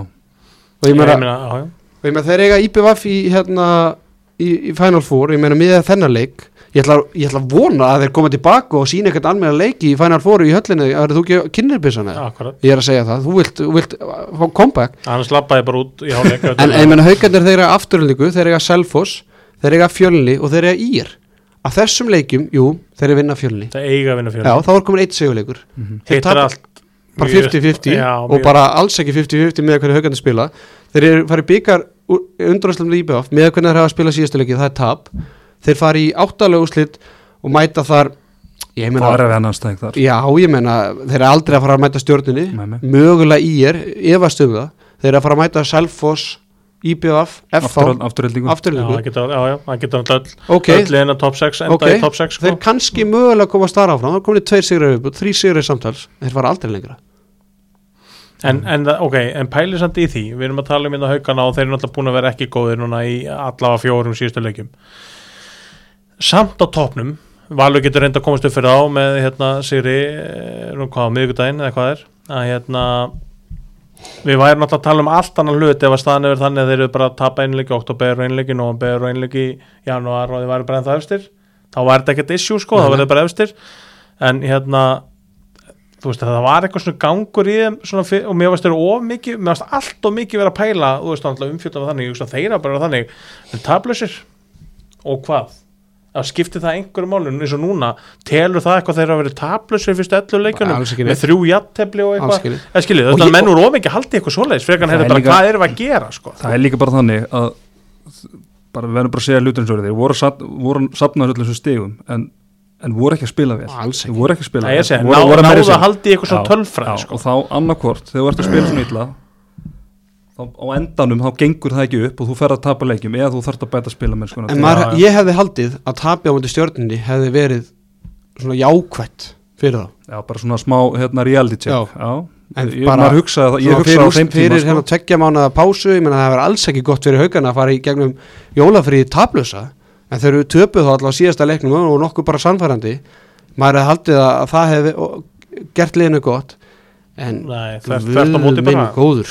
svo líka bara að horfa á þetta sko bara veist, þeir voru bara að missa boltan trekk í trekk skilur pressulösir og þetta er ekki og varnarleikur nýpið að það veri eitthvað, þú veist, það var góður sko en það var ekki eitthvað stórkostlegur sko Nei, þeir voru bara að missa boltan trekk í trekk pressulösir, fá hann í kastónum í fótinn á, á samirunum og kastónum út af og þetta var bara grín. Og sá, sáum líka bara viðbröðin hjá Gunnar Magnúsin á, hérna, á bekknum sko, hann var bara farin að hoppa í ringi og fróðufalla og fórna höndum og bara, ég hef ekki séð neikvæðara body language á manni Nei, nei. bara í lengri tíma og skiljanlega sko. En, en sko sóknuleikur hauga hefur nú alltaf verið svona þeirra svona uh, hausverkur allavega í þess Já, tíabili já, þannig, og í fyrra. En varnarleikur og markværslega hefur alltaf verið Mjög það góð er mjög góð en það stendur ekki steinn við stein Nei, nei, nei. Það er náttúrulega líka bara ástæðan fyrir að fá þess að skelli því að sóknarleikurinn er að ströggla bara eins og alveg verið að gera á stundum í vettur en bara varnarleikurinn er líka og það náttúrulega er dregur líka svolítið sjálfstöðsið úr varnarleiknum, þú ert alltaf að missa boltin í sóknum fyrir hraðablum baki, mm -hmm. þú veist það bara gerir það erfið að standa uppstiltuverð, það er bara þannig Já, já. þannig að, já, já, þetta er það er, þetta er, er leiðilegt að, að horfa á þetta Já, já, eitthvað sögulegu dóðið þetta það er spurning hvað er til ráða og, og hérna þú veist, eins og þú bendir á Arndæði það er hérna stutt í Final Four og já, ég vona þeirra vegna þessi þryggja sigra spá gangi ekki upp fyrir þá en hérna en þeir með eins og hvernig þeir eru að spila þá er þeir ekki langt frá því. Nei, en þetta, er, þú veist eh, við við vorum að tala um þess að sigur af hérna fyrir árum og eitthvað svona. Staða núna, kemur þetta mikið óvart? Er þetta svona meiri skellur en þú bjóst við eða er þetta, þú veist, sko, var þetta kemur, ekki kemur ekkit óvart kannski að, veist, Að það, er, það, er, það er ekki að þetta sé að tapa þessu leikjum, það er hvernig er að tapa. Og líka það- bara það er veist, virðist ekki að vera neins svör. Nei, nei, og bara þetta er sko, þetta er svo mikið hrun sko. þú veist, þeir voru kannski ekki að spila vel átt á tíðum þú veist, en þetta er engu þetta er miklu, miklu, miklu lélæra heldur en það var nokkuð tíman sko. mm -hmm. og eins og segir, já, ég er ekki með svör og, og það er bara, þú veist, eitthvað andleysið þarna og, og þetta er bara ekki eðlilegt Adam Haugun alltaf með tvö mörg úr, þremur skotum ég meina, Tjörið Þorgesson, hann er sko maður bara svona hálvorkin honum. Hann, hann, hann, byrja, hann byrjaði leikið vel og Byrjaði ein, leikinn- eini sem var að gera eitthvað ég meina, síðan hvenær er Tjörið Þorgesson og meðaltalið með sjö skota í leik. Það er bara ekki gerð síðan á að tvítur. Að, ég meina, hann er bara, það bara oftar en ekki að taka sinni eðaskot eða hann er einu maður sem sækir á marki Mhm. ég, ég veit að Adam Haugur hann fær marktræðir þegar hann hættir sér í bjöfurn þetta er nú ekki svona, hann veit nú helst hafa bara killiflata 6 úrvörd Já, og fá sína 3-4 metra en ég meina Adam Haugur og Haugarnir þurfa bara að fá hann í fleiri skot. Mm, þetta er þeirra aðalskipta þrátt fyrir að hann sé þjakara meðslum og er bara einn af þeim sem að meina, bara svo við förum bara yfir það. Vignir Sváðarsson, hann getur ekki eftir fullu. Ásgeir Örd Hallgrímsson er náttúrulega bara það er bara ótrúlega bara komast í búningin í hverju einustu umferð. Adam Haugur er þjakara meðslum Allir Már Bárusson, hann snýri sér illa ökla í manni hvort að gestunum var ekki mótið FH það og já, já, ég held að hann er með þess að tæpu fyrir það. Já, og Ólaður Ægir er náttúrulega búin að vera tæpur fyrir það og er náttúrulega bara búin að vera þjakaðar meðslum bara undan farin ár. Þannig að, Heimir Óli þegar Heimir- að leti? Nei, nei, nei, ekki lengur. Nei, nei, ekki Jók. lengur. En hérna, þannig að þetta eru fjóri-fimm strákar sem bara þú veist ekki hvort þið geti æft sko alla, alla vikuna fyrir leik. Nei, nei, það er alltaf hræðileg staða sko. en það er bara, sko þú veist, þú ert með þessa stöðu. Ég meina, hefðu einhverju tímpúndi verið bara betra herðu, stráka, nú farið þið bara hérna í, í tökja mánuða fríið eitthvað og ná eitthvað góðum með þessum meðslum og og söksu bara yngri strákur og setjum bara yngri strakk og svo komið bara í ljósi inn í- stöðuna sem er núna þá er svarið auglustlega já, já, já, en það er ekki gert það skilur en, en það er samt það er samt verið klókt. Þú veist bara hérna, svona með alltaf að vera vitur eftir á.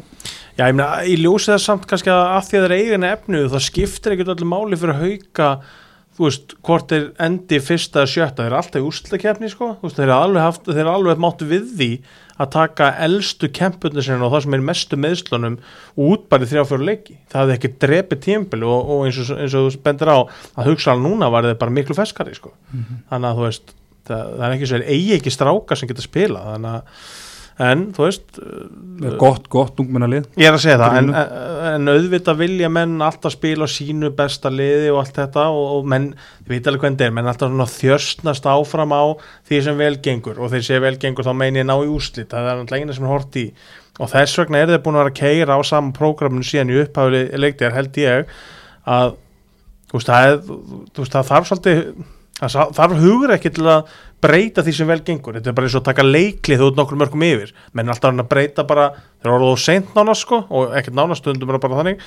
En þú veist, stundum áttu bara að stoppa pása, herðu, hvað er að gera vel, hvernig getur við gert aðeins betur, þú veist eins og segja, kannski einhver, einhver starf á, á leiðinni bara, herðu, þú veist, ásker þú kvíli bara núna í tvo leiki, það, og bara, við verðum bara ferskir samt sem áður. Það, það er hægt að gera eitthvað svona. En það þarf rosalega kjark og svolítið út fyrir bóksi hugsun og nú ekki gera lítur, ég menna haugarnir er bara með Gunnar Magget, einhvern okkar al reyndasta þjálfara. Og öll þessi lið er með góða þjálfara skilji. Og ég menna, þú veist Þetta er bara svo, veist, ekki. ef það væri ekki úsliðikefni þá myndi ég alveg skilja hugsanáttin það eru öll liðin að hugsa um að toppa þenn tíma. Já, já, ég er að segja, Og en það skiptir ekkert máli hvar þú lendir í eitt Þannig- láta, það, Jú, jú, þú vilt það kannski skiptir vinna, þú getur samt úrslitum. Já, 1-6 skilur þú hort alltaf að fara að má, uh, mæta þú mæti jafngóðu liði 1-6, Já, já. skilju, það er bara þannig. En þú ert kannski bara með ekki betra hópið en þetta eða bara lið sem er þjakaði meðslum eitthvað þá viltu þetta toppa bara þetta tíma. Já, já. þá, virt, þá þarftu bara að skipa ykkur leikið fyrir árum það er það sem ég er að segja, veist, en það þarf alveg smá hugur ekki til þess að segja bara, Já, veist, bara þið tveir, nú, nú takið þið tvo leiki og við tökum einu segi, tvo gæði ungmennaliðinu, hvernig sem það er, þú veist, alltaf sem er haukar ná ekki hóp hérna, tvo leiki röð ekkert með nóvambera því að vantar eitthvað tvo sem eru að ná sér góðu, þú veist, og fá kannski bara aðeins lengra jólafrí eða koma aðeins setna úr jólafrí núna, hvernig það er, það er hægt að fara marga leiðir að þessu en, en eins og ég ætla kannski ekki að fara að kenna kenna þeim þarna upp í hafnafyrir hvernig að gera þetta en, en ég hugsa að það sé alltaf holdt óhóð því hvort sé haukar einhver aðri. Þú ert með eitthvað svona system í gangi ef það er á erfitt að æfa, erfitt að ná allir saman þú veist, mikið recovery, er það ekki betra að taka bara eins meiri pásu heilt yfir almennt, þú veist, þú, þú voru að ná þig góðum.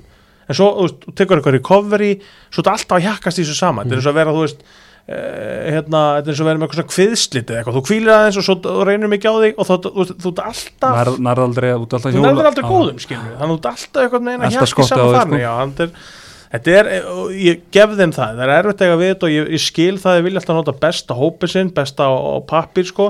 Svo er þetta líka bara gáka stundismönnum og veist, styrtaralum, stjórn hann er, veist, menn, menn er örgulega með í svona meistarflokksbíói það er þetta oft svona já, stjórnir er á bakinu og það er vantilega bara mikið til sko. Og þjálfarinn er líka bara, þú veist, kannski bara ertu klár og leikmaður bara, já, Já, akkur, ég er að segja, þessi íslenska leið bara áberjast, Mm, er ekki góðu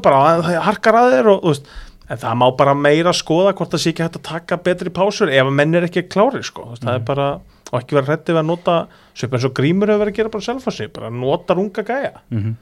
þú veist hendi bara ungu gæja í markið og þú veist bara veita að virkar að því það er stemning og, og hérna menn á að trúa sjálfum sér. Þannig að það vantar eitthvað svona smá drifkraftan upp í, Singurinn upp í fjörð. Hörðu, hérna haugarnir eins og ég nefndi á nega afturleiku heima, Selfoss úti, Fjölni úti og Ír heima Pónsen, hvað er það mörg stík? Úf, þetta eru, Afturleiku heima, Selfoss úti, Fjölni er úti, Ír heima. Þetta eru fjögur stig, Tveir sigrar. Já, Bissen, Ég ætla að segja 4 til 6 ég, ég ætla að halda að þessi komnir á á- ákveðin 0 punkt núna. Þegar ég, þú sagðir að afturleikur vinna, vinna, vinna hauga á hann fyrir mm. þettinum já, Hvernig fer haugar afturleik bara í næstu veist, Það er algjör 50-50 leikur. Ég hallast að að haukar vinni þann leik. Ég hallast að að haukar séu bara ég, ég sé að hann ekki gerast. Það því að ef þið tapasleik og sé eitthvað svona andurslótt sem er mjög skrítan í, í, senka sem maður ekki sé bara í mörg ár sko, að sé að tapa hvað fjórum-fimm leikjum bara í röð. Svo ég verið að spyrja á því hvort Aron Kristjánsson verður komin hann fyrir Final Four.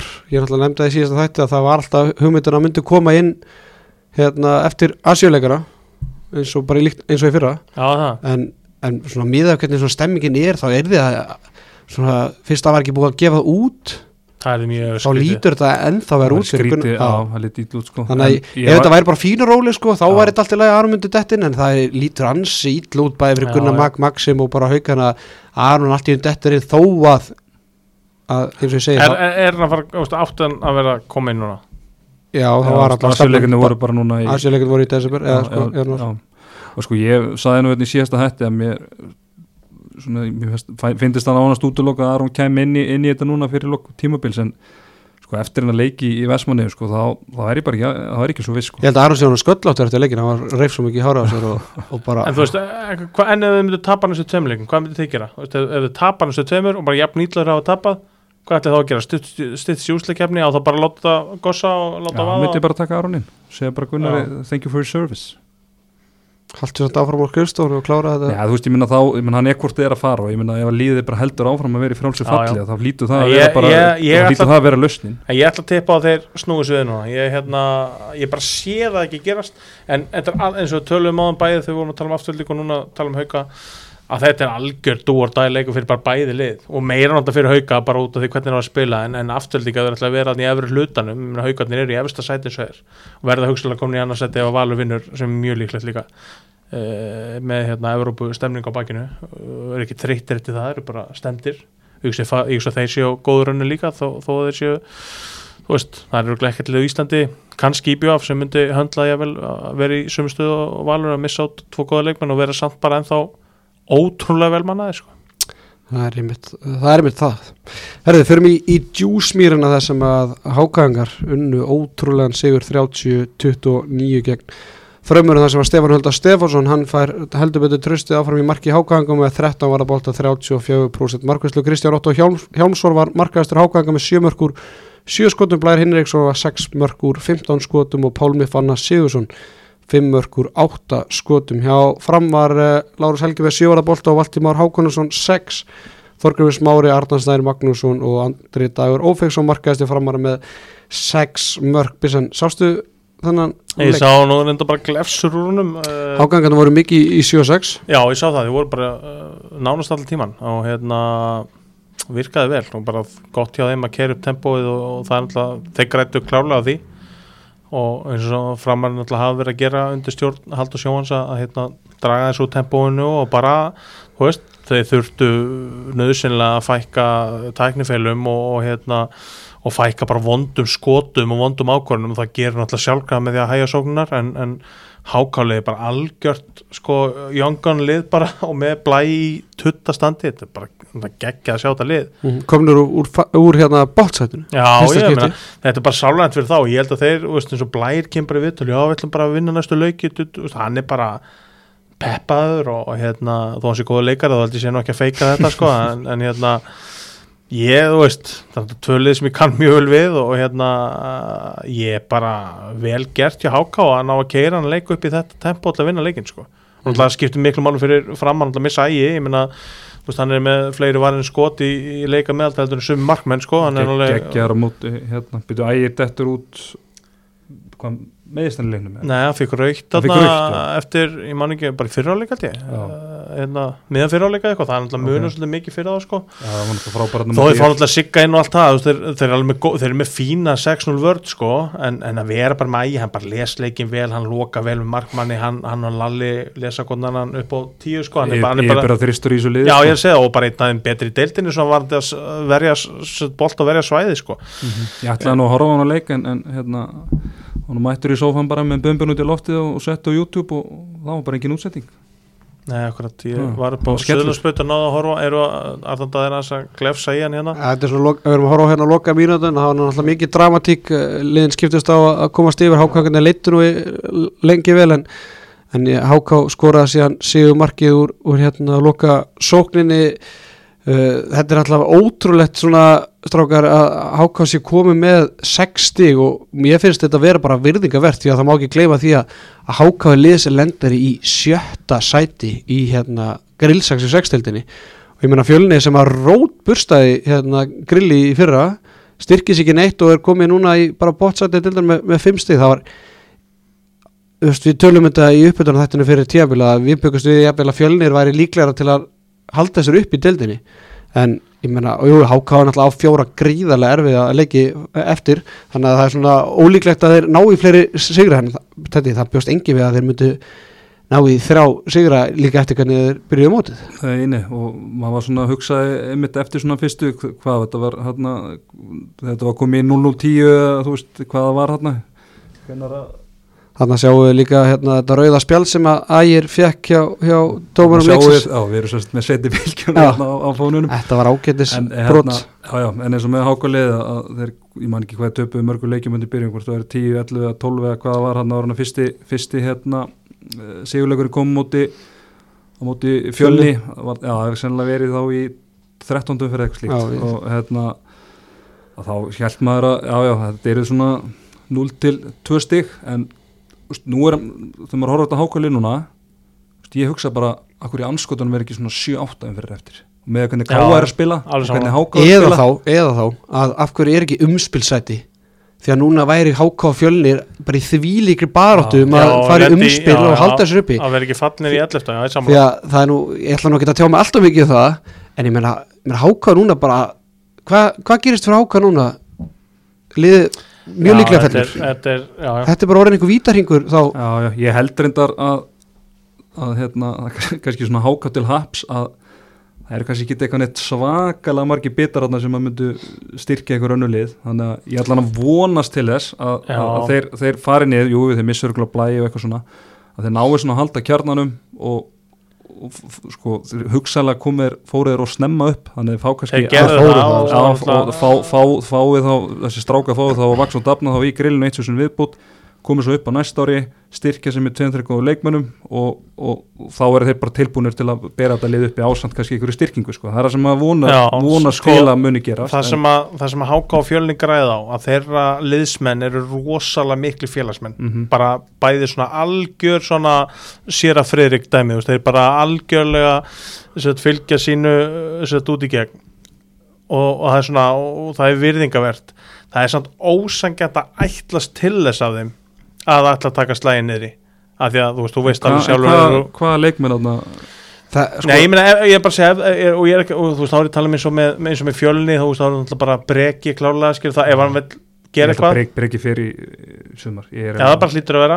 Er og blær, þetta er kannski alveg brekja blær Já, já. svona, þú veist, svona, svona kannski ykkur tveið, þrjaðari, svona Pétur Átni eitthvað svona sem að Já, en, en, Já, en spurning, hann þú veist, hvort fengur alltaf svo marga, fá já. Bjarka, ég meina, ætlar hann að taka slæði með Hákan, hann er nú alltaf en, engin Hákangur, Pétur Átni, Kristófur Dagur, hann er alltaf hefur kannski ennþá jafn að setja meðsli, hann þurfi Já, bara kannski eitt tímabil í grillinu bara til að koma sér aftur almennilega í gang Eiríkur sko. Guðni Þóraðinsson alltaf úlíka landsmjöða sem kemur Já. hérna frá, frá Val, Já, já. Hérna, Ásmundur Alla hefur alltaf lítið sem ekkert spilað, uh, svona alltaf hvað gera markmæðandi Stefán Höldur og, og Davíð Lítið Svalsson, þannig að þráttur að þú búist ekki margir, þá er þetta samt fjóri-fimm leikmenn. Og þannig að þú ert bara að fara að byggja hérna, þegar ég tók við gróttu fyrir tjöfili, ég bjóst ekki við að fara í 10-12 leikmenn skilum, en þetta er svo fljótt að fara skilum, einhverju hætta, þú veist, það eru bara ekkert margir sem nenn að spila grillinu eins og staðan er. en, en, en, en svo rættuðu nú þessar styrkingur í Háká þetta voru kannski ekki neitt rosalega mikla styrkingar að- að mörguleiti jú, þetta breyka vissulega hópin Já. og annars slíkt sko.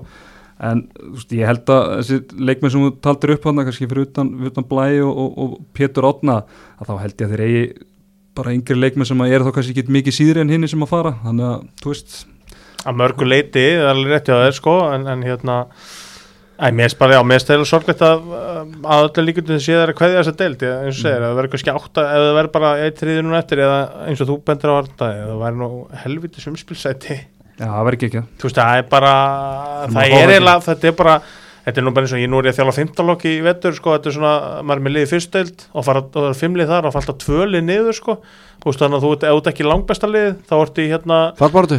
Já, þá ertu í fallball, þú ert alltaf í úrslaleikjum sko, þú tapar einu rönguleik og þú ert bara fallin og þá ertu að fara að spila og liða svo og vinnur sko þrjá frekar stórt og fer síðan einn úrslaleik og verður að standa til að því það fer bara eitt leik hver deild, tvær aðra deildir. Mhm. þú veist bara efst að setja fyrir upp. Veist, það er ómikið hérna veist, ég bara, það er bara ómikið hérna ómikið rótering fyrir deild fyrir neðan sem er bara miklu, miklu, miklu, Miklu lakari. skilur Já, þú veist, þannig að að þýleitun til ef, ef að fyrstdeildin væri bara alveg deildur sér gamla daga þú veist, það væri bara 8-10 félög nú er þetta þrjú félög og ölið sko að hérna Fjögur, ekki glemma gróttunni Já, þú veist, þrjú fjögur lið og hulið hérna, nei þú veist, þá væri þetta allt annað, þá, eins og þú segir, þá væri liðin bara núna, það væri með beinstífa núna að berjast um þetta fjölnir og háká, þú veist, það er, en núna sjá þeir alveg, þú veist, minna háká þarf að vinna sko, hvað rest og eða þrjá alla og treysta á ká að vinna fá ekki stig, þú veist, þetta það er rosalega erfitt upp, uppdráta með það sko. Já, en hérna en enga sigur, þeir náttúrulega unnu ekki leik fyrstu 10-12 Já, leikina og já. þá náttúrulega bara, þú veist, það Það er er ekki hægt að Það tók bara þessi tíma það. að byggja þetta upp og ég meina að loksist að þetta er svona að vera klárt. Mm. og fara að vinna leiki og hafa gaman þá var þetta bara djabali búið og þá hver var leikmenn að brott og þá byrja, byrja þetta aftur Svipa sem gerðist með fjölnin eða þeir fóru fyrst upp og það var hérna, voru inn í öllum leikjum og töpu öllum einu og náðu eitt og eitt í aðtefla múti val og unnu sér ranga leiki og fjallu sér bara Veistu, þetta er leðilt að sjá þetta, það var Donni og Svenni Jó og hérna og mikið, fjör, ég vildi nú ekki gera nú ómikið til geðsinn, hann lítur út eins og mustri hann hlýna mér Takk. Akkurat, nei þetta er fúlt, þetta er hundfúlt að, að þurfa mjög líklega hvað ég háká en, en, en það verður fróld að sjá hvernig þið tækla það. En Blæk, hvert haldið að hann fari? Gróttuna. Í gróttunni á Ég, ég, sko, ég, ég vil eða senda hann bara í styrstu leið í Garðabæn Já, til Pata? Já, ég hugsa að myndi sóma sér vel í, í Garðabænum. Já en, en haugana Arnó Kristjáns hlýtur að vera Já, að fara já, inn að hann er rúglega að hérna, pissa, pissa vel út í hann bara, Ég sá bara hvernig, hvernig hérna, Patti, hvað hann gerði með Hauk og Elvar og svona, ég held að það væri bara mjög áhugavert projekt sko. Já, ég hugsa að Blær muni hafa svona 5-6 mjög góð tilbúð að skoða. Það er að segja jákvæða kosti það er ekki svo sé mikið peningur í þessu. Hann muni hafa hérna um nóg að velja. Herðu, hefur eitthvað að segja um, um, um fram við erum líka? Að gleyma því að náttúrulega Háka fór á flug bara eftir nakkuð fjallar skrifa undir í, í Já, korti hérna akkurat. En það er mjög algengt starf þar. Mon- Money well spent, segi ég nú Já, ég er bara vel gert og hérna Stæðan fyrir að taka, kaupa ykkur styrkingu sem við vorum að ræða hérna, hvort er þetta að gera þá sóttu við bara einn ökkvað fjallar og, og það var það sem það þurfti, þurfti til. Það er bara mjög klókt hjá þeim og hérna verðist það mikið stemning. Já, það er líka bara mikilvægt þú veist, þeir eru náttúrulega bara að fara niður en að fara inn í, inn í sumari svona Já, on, on the það good, good side sko. En það er bara alveg svo tölum með hauka að þú veist þetta skiptir ekki máli endilega að vera að tapa leikjum heldur hvernig þú tapa þeim og það skiptir rosa miklu máli fyrir hauka hvernig þið klára sísoni sko. Mhm. og segir með næli eitt sigur viðbútt þá er þetta bara hörk og tímpul hjá þeim þú veist hann er lagað já, ég meina átt að stiga það er bara fyrir ég meina svo liðin fyrir ofan eru bara öll svona þú veist eru vel að flest búin að vera svona til dælu lengi saman svona stór kjarni Mhm. og bara ótrúlega vel mönnu lið þetta er þú veist deildin er hrikalega vel mönnuð Það var framarinn eftir árum og tapa með tveimur markum áttu haugum, uh, vinna fjölni með einu marki, vinna ír með fjórum og tapa síðan á móti háká. Já nú, við, ekki það, ég bjóstu meira af Haldur Jóhanni og, og hérna, hans kjúklingasalati en, en þetta lýsi kannski ekki því hvað bara Guðmundur Helgi var kannski að gera bara Já. hluti. Eh, sko ég, ég renda hans yfir hérna, leikina sem að síðan að Dóri tók við að þetta er eiginlega þeir eru búin að tapa eiginlega öllu leikjunum eða þú veist, tapa leikjum sem er eiga að tapa basically, fyrir utan írleikin og vinna leikina sem er eiga að vinna fyrir utan hákáleikin og í flest, og í á fle, pla- og í, og í flest eða, svona par eitthvað það var þar en í flestu leikjum, þú veist, hafa þetta nú verið jafni leikir sko, Já, með að já. við voru að fá svona skelli, fleiri skelli þegar komum til helgi, en ég myndi alltaf segja að veri framför á, á liðinu, pun intended en hérna er en, en, en, en, en stigarsöfnin er bara svona í Já. kannski bara samræmi við bara vendingar og, og já, Það kom henni samt óvart að þið skildu bara, uh, veist, að því að leikur um dýra frábær og hérna íringarnir voru bara andlusir og allt það en, en framarnir voru góðir og þeir, veist, þeir komið tilbaka voru nokkur með nokkur mundir, komið með gott rönn unnuleikin, mjög vel gert hjá þeim. Þorgum Smári var að taka undir þetta snuttur sem ég bara sjálf að séð. að skrýta, kom ekki næsta leik og slátornum, það kom ekki bara inn að hákáleik með, þú veist, þú veist, menn rósa hákáleinu vel gert hjá þeim. En að framlið sem að vinnur í er ja, svona, fær kannski smá smjörþef akkur komur ekki að slátra þessum hákáleik er er ekki skrítið það?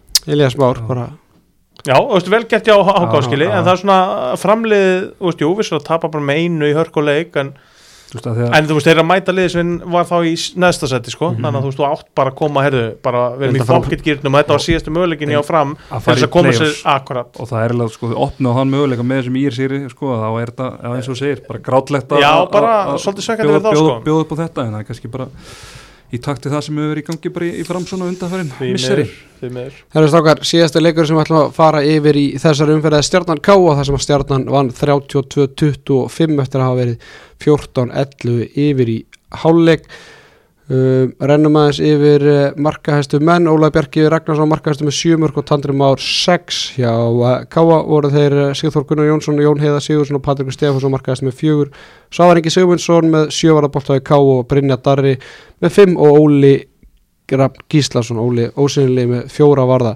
Strákar náttúrulega bara fréttir aðalfréttirnar úr þessum leikum náttúrulega að það var leikið í áskarði Sturlað, bara Já, geggjað. bara að horfa á leiki í sjónvarpinu í Áskarði versus Mýrinni þetta er þetta var ekki sem að íþróttir sko. Nei, þetta er bara, ég lísti þarna leiknum undan kvennaleiknum Já.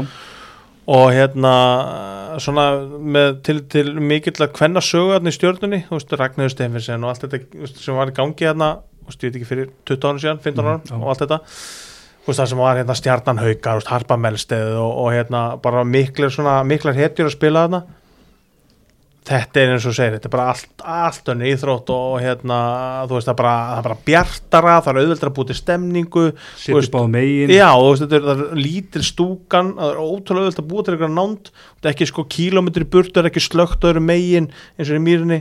Og veist, þetta er bara, þeir hljóta, þetta er náttúrulega pólitísk baróta og hérna það galiði fá eina helgi þar sem að kallalið var í byggárslutum sko og en þeir hljóta að gera bara kröf á það að þetta sé bara þeirra nýja keppnisús. Þetta, er- þetta er bara, þetta er heimin að haf. En það er og segir, það er vist alveg mikil það er pólitísk barátta og þetta er nú svipað í, í vesturbænum að að Karvan vill ekki að sé Harpiks á Nei, gólfinu. Nei, þetta er eitthvað sem voru bara að leysa fáið Já. bara góðan hérna Harpiksrisi? Já, og ræstitækni sem vinnur á nótinu bara góð og yfirvinna Karoli Strópus bara? Já, ég meina, þú veist Blöytótt svon Já, já, ég meina, um leiðan þetta er út úr úslega getur bara fyrir á þrifi áskarði Ég meina, þú veist, það verður bara að keira þetta í gang. Þetta er Mm. glórulöst að að við sem að pæli því hvort er megi spil í besta húsinu Mm. sem er í búið hjá þeirra en félagslega Baldi samt að vera búin að byggja þetta húsat í mýrinni og Já, það er bara algjörð klúður og bara fínt fyrir skólaíþróttir og getur haldið eitthvað svona softballmót og eitthvað með miljón velli og, og hérna haldið flott yngurflokkamót. En, en þú veist, fyrir mistarlokk í efstu deild, bara glemdi því. Mhm. Mér finnst þetta líka bara snúast um félagið. Mér finnst þetta ekki að vera eitthvað dildar hérna, Nei, ég skipting. Skiljum mig bara Þetta er bara langbæstur í félagið. Ég Og Við ég erum bara í sama höllinni Já, og þið getur spilað eitthvað tvennur þess vegna eða, eftir bara í mýrinni og spila. Já, fínt æfi mér, bara Já, fullkomið æfingahús sko, en það er ekki gott kernishús Nei. og ég meina, menn vissu það alveg uppal og menn vissu að það var, er þið kannski svolítið skrítið að fylla upp í þetta og, já, og það var rétt, já, það var skrítið þeir ná aldrei að fylla upp í þetta, þetta er alltaf, alltaf sérstök stemningana. Þetta er svo í, í varmá bara ég meina, Það var ekkert að því að spila bara nokkra leiki bara í litlasalum eða það væri náttúrulega sett parkett. Já, ég meina, þegar að K.R. kom í heimsókn eitthvað svo, veist, ekki það að skipta ykkur máli að það getur spila alla leikina í, litlasalum en ég meina þetta er gert erlendis já, í, í já, Þýskalandi. Ég meina stórliðin þegar eiga bara tvo vellis og bara, meina einhverju leikir mistarðið spilaði í stóruhöllinni og ég meina í Danmörku líka. Já, já. þannig að það var engin skömm ég meina þetta væri bara eitthvað betur fyrir hérna íþróttina. IBF hefur nú spilað einhverju leiki í Salnum. og þótt að Já, sé þetta var- kól ólulegu sko en, já. ég meina, en samt sem áður. Meina, þurfa ekki- stundum bara að sko að viðkenna vandan og skilur um bara og, og takast á við hann. Og ég meina afturlið getur gert það uh, hérna IBF getur gert það. Ég meina haukar F og akkur ekki spilar ekki fleiri leiki í strangutinni já, til dæmis. Það er náttúrulega geggja hús.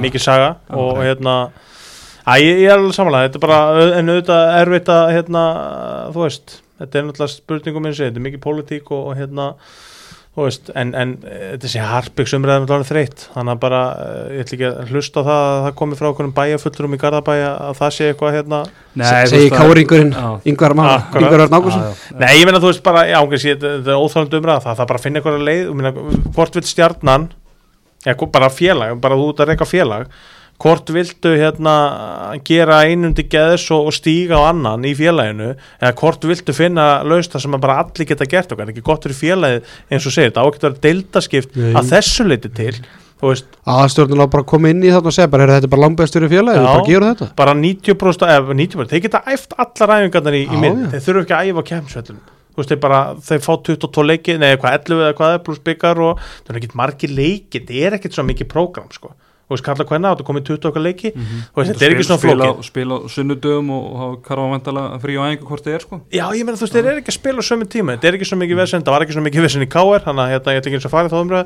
en hérna, eh, þú veist uh, vel getur stjórnir að vinna KR það er svo, Já, ef kannski að ræða leikin eitthvað Já, bara náttúrulega uh, Daniel Griffin var ekki með og, og Danny Matt ekki hjá. Káa Nei, nei.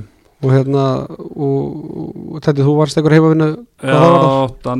búin að vera, sem sagt, Danni Matt hann er búin að vera veikur í, í, í vikunni og, og misti mista leitt út af því. Og Daniel Griffin er að hérna glíma við ykkur öklamisli og ég veit ekki alveg hvernig staðan er á því en, en sko ég reikna nú með því að ef hann verður ekki klári næsta leik þá verður hann allan að Átsega mættur pot, pot klári í leikmötu átsjáða mættur, hann kom bara inn á í þrjú víti. Hann spilaði ekkit, ekkit fyrir utan það Þetta ætlaði hann bara að reyna saxa á næsta leik. Hann hefur örugglega verið bara í hóp út að Griffi var þú náttúrulega rætti við hann hann um daginn. Og frækt, frækt úr orðið en, en ég meina káamenni voru bara í, í bölluðu basli hérna sóknarlega lengst af í þessu leik Eins og og oftar, voru með, voru með hérna, Sigþór Gunnar fyrir utan Jóniðar og, og, og Patrik Sigþór Gunnar hægra megin. Patrikur skaut og skaut og skaut. Já, hann var með ekki, fjóri, fjóri þrettán. Svo var hérna ungu strákur Arnur Ísak Hadsson er þetta ekki svona hérna Hads Jú. Stefáns? Já, það vona ég. Og hérna og líka lands- og líka Já, landsmaður og hann var, hann var bara í hann var hann var í afleysingum handa, hann var að leysa bara alla stöðuna fyrir utan þegar, þegar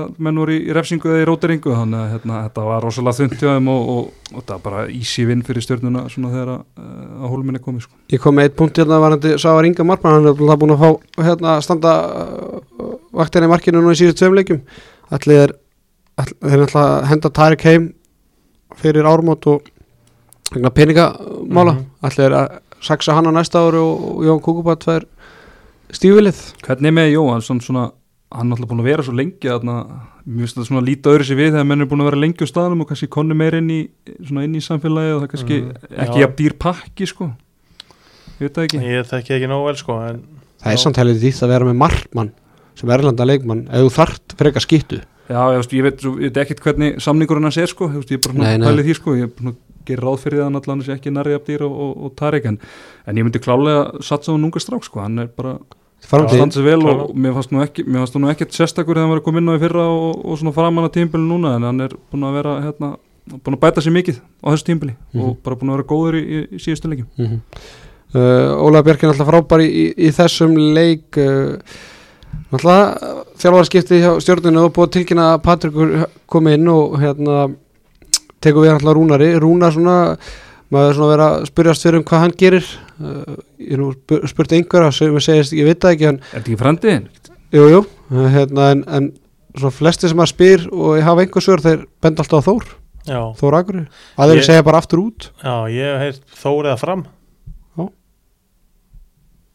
Já, það það er bara svona það sem ég hef heyrt það er aldrei þess þjálfara kapall það er rosalegt sko Já. ég held að það verður mjög skemmtilegt að sjá bara þjálfara listan í, Mhm. í vor þegar það er klárt það ég held að verði einhver, einhver óvæntar hræðingar þarna. en hérna Ég er stánaður að Patti skuli hafa tekið stjórnuna. Ég heyrði að, ég heyrði að selfisingarnir hafi reynd að fá hann aftur. Mýið í, sk- mýið í skona er það ekki alltaf skrítið bara svona Jú, jú, en, en nefnst að fara aftur Já, jú, bara mér- búið með ég, þetta ég, skilur ég sammála því. Fór sem Íslandsmeistar og náttúrulega haugur að fara og, Já. og allt það sko. Klókt Fa- fara, að fara ekki fara, þangað, sko. fara bara í uppbyldisklubin og, og sér alveg möguleika þar á að geta gert eitthvað næstu tveimur ára sem Íslandsmeistari sko. Veist, hann getur alveg náð því fram handa Já, með, með réttum með réttum hérna styrkingum því að því miður er ekki, það er ekki mikið það er ekki, það er kannski ekki, það er kannski aðeins öðru sem þegar hann tóku selfósa sem að var að koma bara endalust á á- ungum, já, strólan já, á ungum já, já. er því En- en- ekki, því er ekki, er ekki til að kalla í, í Nei, en Pat er hugsanlega einn af þremur nöfnum sem gætu verið að þjálfa lið sem að Mhm. leikmenn vilja koma til að Já, já. spila þess að koma í félag út af honum Já, ég er algjörlega sammála því ég held að ég held að það verði einmitt mjög auðvelt fyrir hann að samfara leikmennum að koma og, sko. og, og, þú veist, það verður örglega bara fyrir hann að að það verður meira hérna, frambóðin eftirspurnar leikmennum fyrir hann sko en, hann verður okkur hringingar, ég, ég til í að koma sko. já, en það sem ég líka held ég að gerir fyrir stjórna núna að, að jafn svona stórt númer og Patti sé að taka við að, og ég meina Patti er alveg sínt að hann getur alveg verið rúðslega sko og það er já, ekkert já, að nú eru menn bara að spila upp á framtíðina sína í, í stjörnunni. Og núna þurfa menn virkilega að delivera og sína patta, ég menn nú er hann komin heim og er á öllum leikjum og er að fylgjast með og svona. Er að sína, já, sína, sína patta að, þeir séu bara eigi að vera í hans plönum á, á, á næstu árum. Þannig að þetta er mjög, stað, mjög spennandi og bara svona langt með spennandi sem hefur verið í gangi í Garðabænum bara síðust árin sko. Alveg samlega Það var nú spennandi þegar Rúna kom heim satt menn svona voru ekki alveg vissi eh, hvar á stæði og þetta var svona nýtt. mér finnst þetta starra sko. Þetta þetta er starra Ég- ég er en, þetta var svona spennandi sko þegar Rúna kemur vissi Svipa dæmi þannig lagað sko en, en, en svo bara Ég meina, þetta er Patrikur sem er bara búin að gera gott Og líka koma algjörum heim, sko. Já, akkurat. Mér finnst það bara, mér finnst það geggja múf hjá honum. Ég er bara alltaf að gefa hana það. Mhm. Þetta er náttúrulega tókum hérna gott viðtal við, við hérna fatta í fyrra. Já.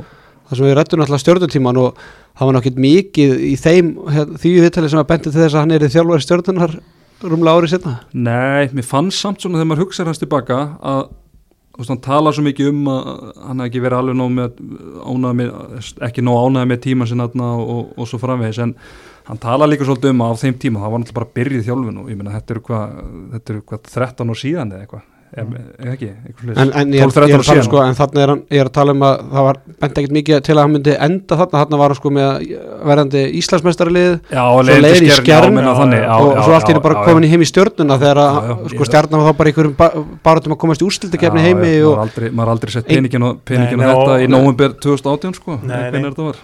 Enda heldur menn að vera ennþá í skjærn núna og, og hérna allavega það. Þannig að En ég sé að það er nú ekki margir leikmenn stjórnuna sem eru að vera samlingslausir þannig að það er nú kannski ekki margir sem þurfa að sanna sig fyrir nýju samling Nei, en svona kannski ekki endilega nýjum samning heldur samt að fá bara sem- tilur rétt í liðinu og, Já, já. og hann, að, þú veist, að hann alltaf vantilega múst, kaupir að fær til sín leikmenn eftir því sem hann sé bara hennu þarna verði að styrkja og ég hugsa að hann sé nú örgulega búin að ákveða svona þrjá fjóra vandamáli sem hann er náttúrulega að fara í er að svona sko öðru í sem Selfoss að hann er ekkert að fara að fá okkur að unga leikmenn inn í hópin hann, Nei, hann verður að vera með eitthvað í staðin ef hann ætlar að fara að leysa eitthvað hann um er ekkert að fara að losa sig við hérna, Raka Njáls og Bjarka Má Gunnarsson og, og einhverja markverð skilur mig út af það hann er ekki með neitt í Nei, ekki staðin nema að koma eitthvað í stað Já, hann, hann verður hann, að vera hann með er að fara að koma með þrjá til fimm utanakomandi leikmenn skjærn, bara heim. Tvo til þrjá svona held ég mjög góða og svo verður ykkur tveið, þrjí svona squad players. Ég held að sé að fara að koma með alveg svona blöndu. Hann ennir ekki vera leikmannamarkaðurinn er samt Íslandsmeistari. bara svo rosalega takmark Já, ég, hann, þetta er Patrikur, þú veist, hann bara græjar það. En er ekki líka Ég með þess að tala um að sé ekki margir sem eru að vera samningslausir, er ekki flestir þessi samninga með svona 1 pluss 1 eða hvernig það er, Já, að það er eitthvað eitthvað svona eitthvað gluggi þar sem að báður aðlega geta sagt um samning, Já, ég, eitthvað mánaða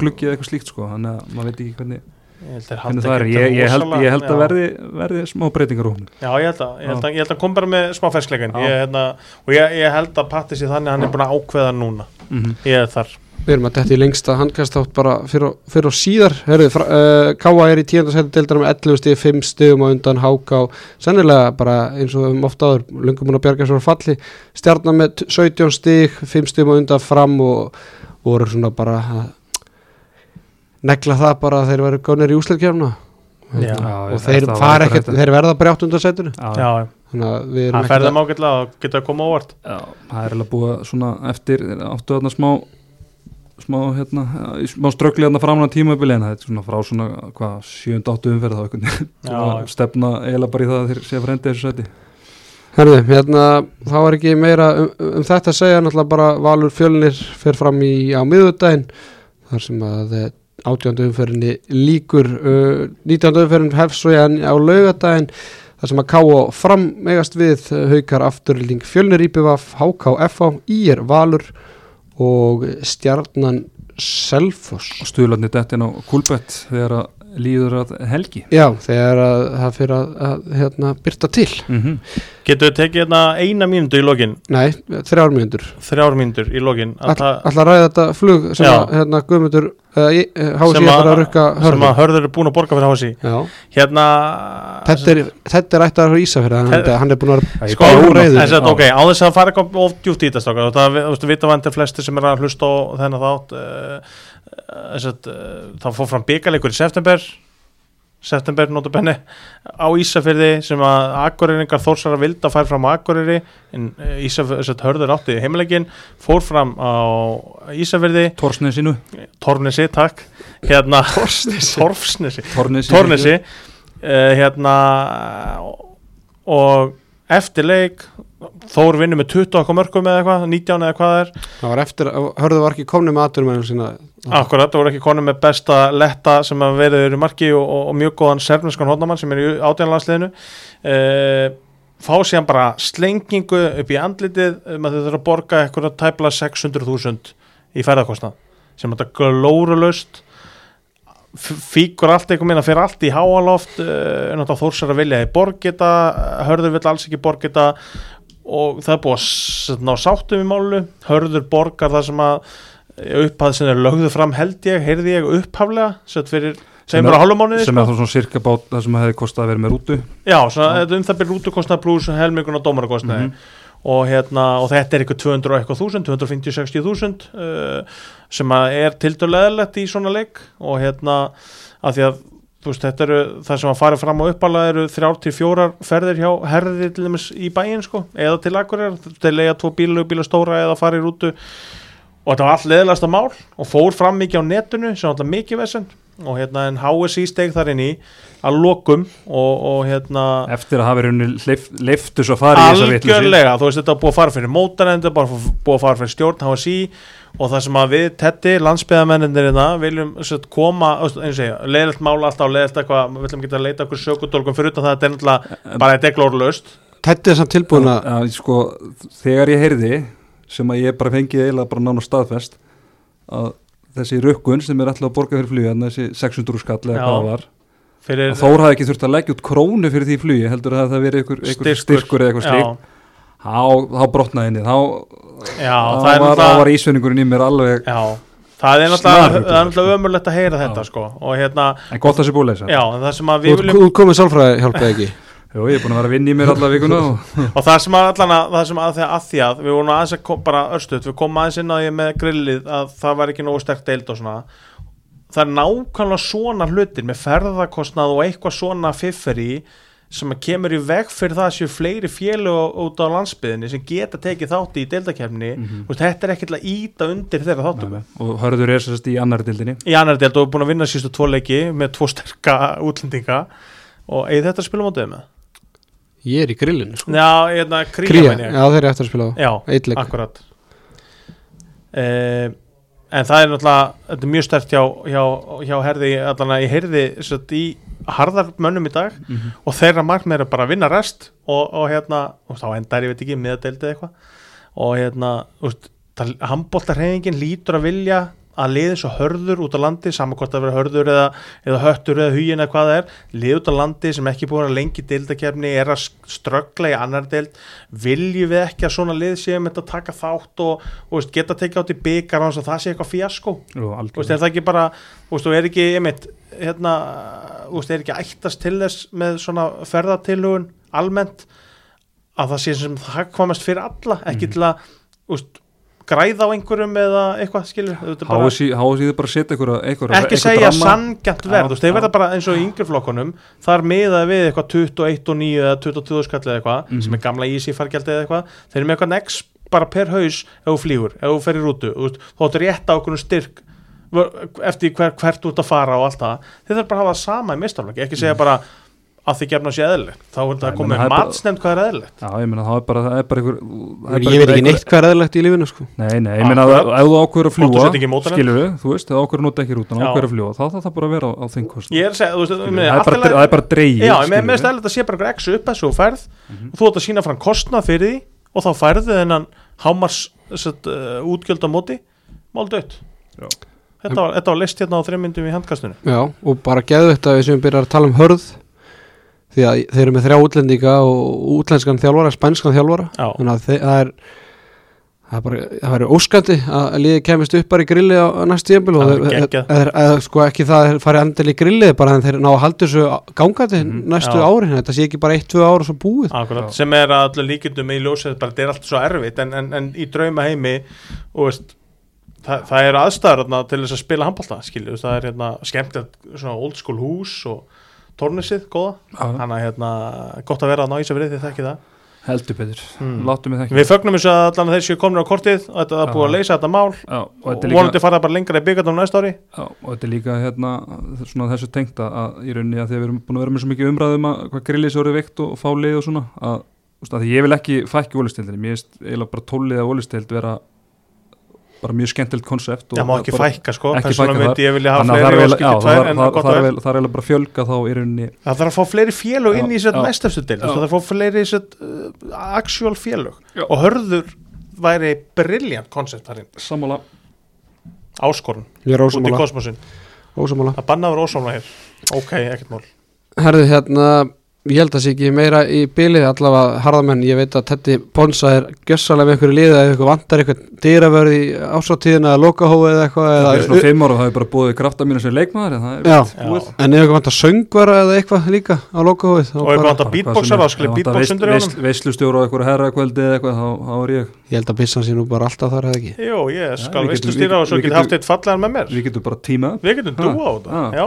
með þá var það bara Ha. komið til skila, er er ekki bræði að sjá um þetta? Eða? Bragi Rúnar Axelsson, þú ert hér með að bóka okkur ásáttíðina mig og Pónsuna og Arnardæði, þú færði eitthvað Ég fer yfir leikfræðina. Herðu, sérfræðingurinn þakkar uh, kærlega fyrir sig Theodor Ingi Pálmarsson og Yngvar Örn Ágúrsson takk kærlega fyrir að vera með mér hérna á þessu mánudagskvöldi. Miklu fyrir ekkar Yes sir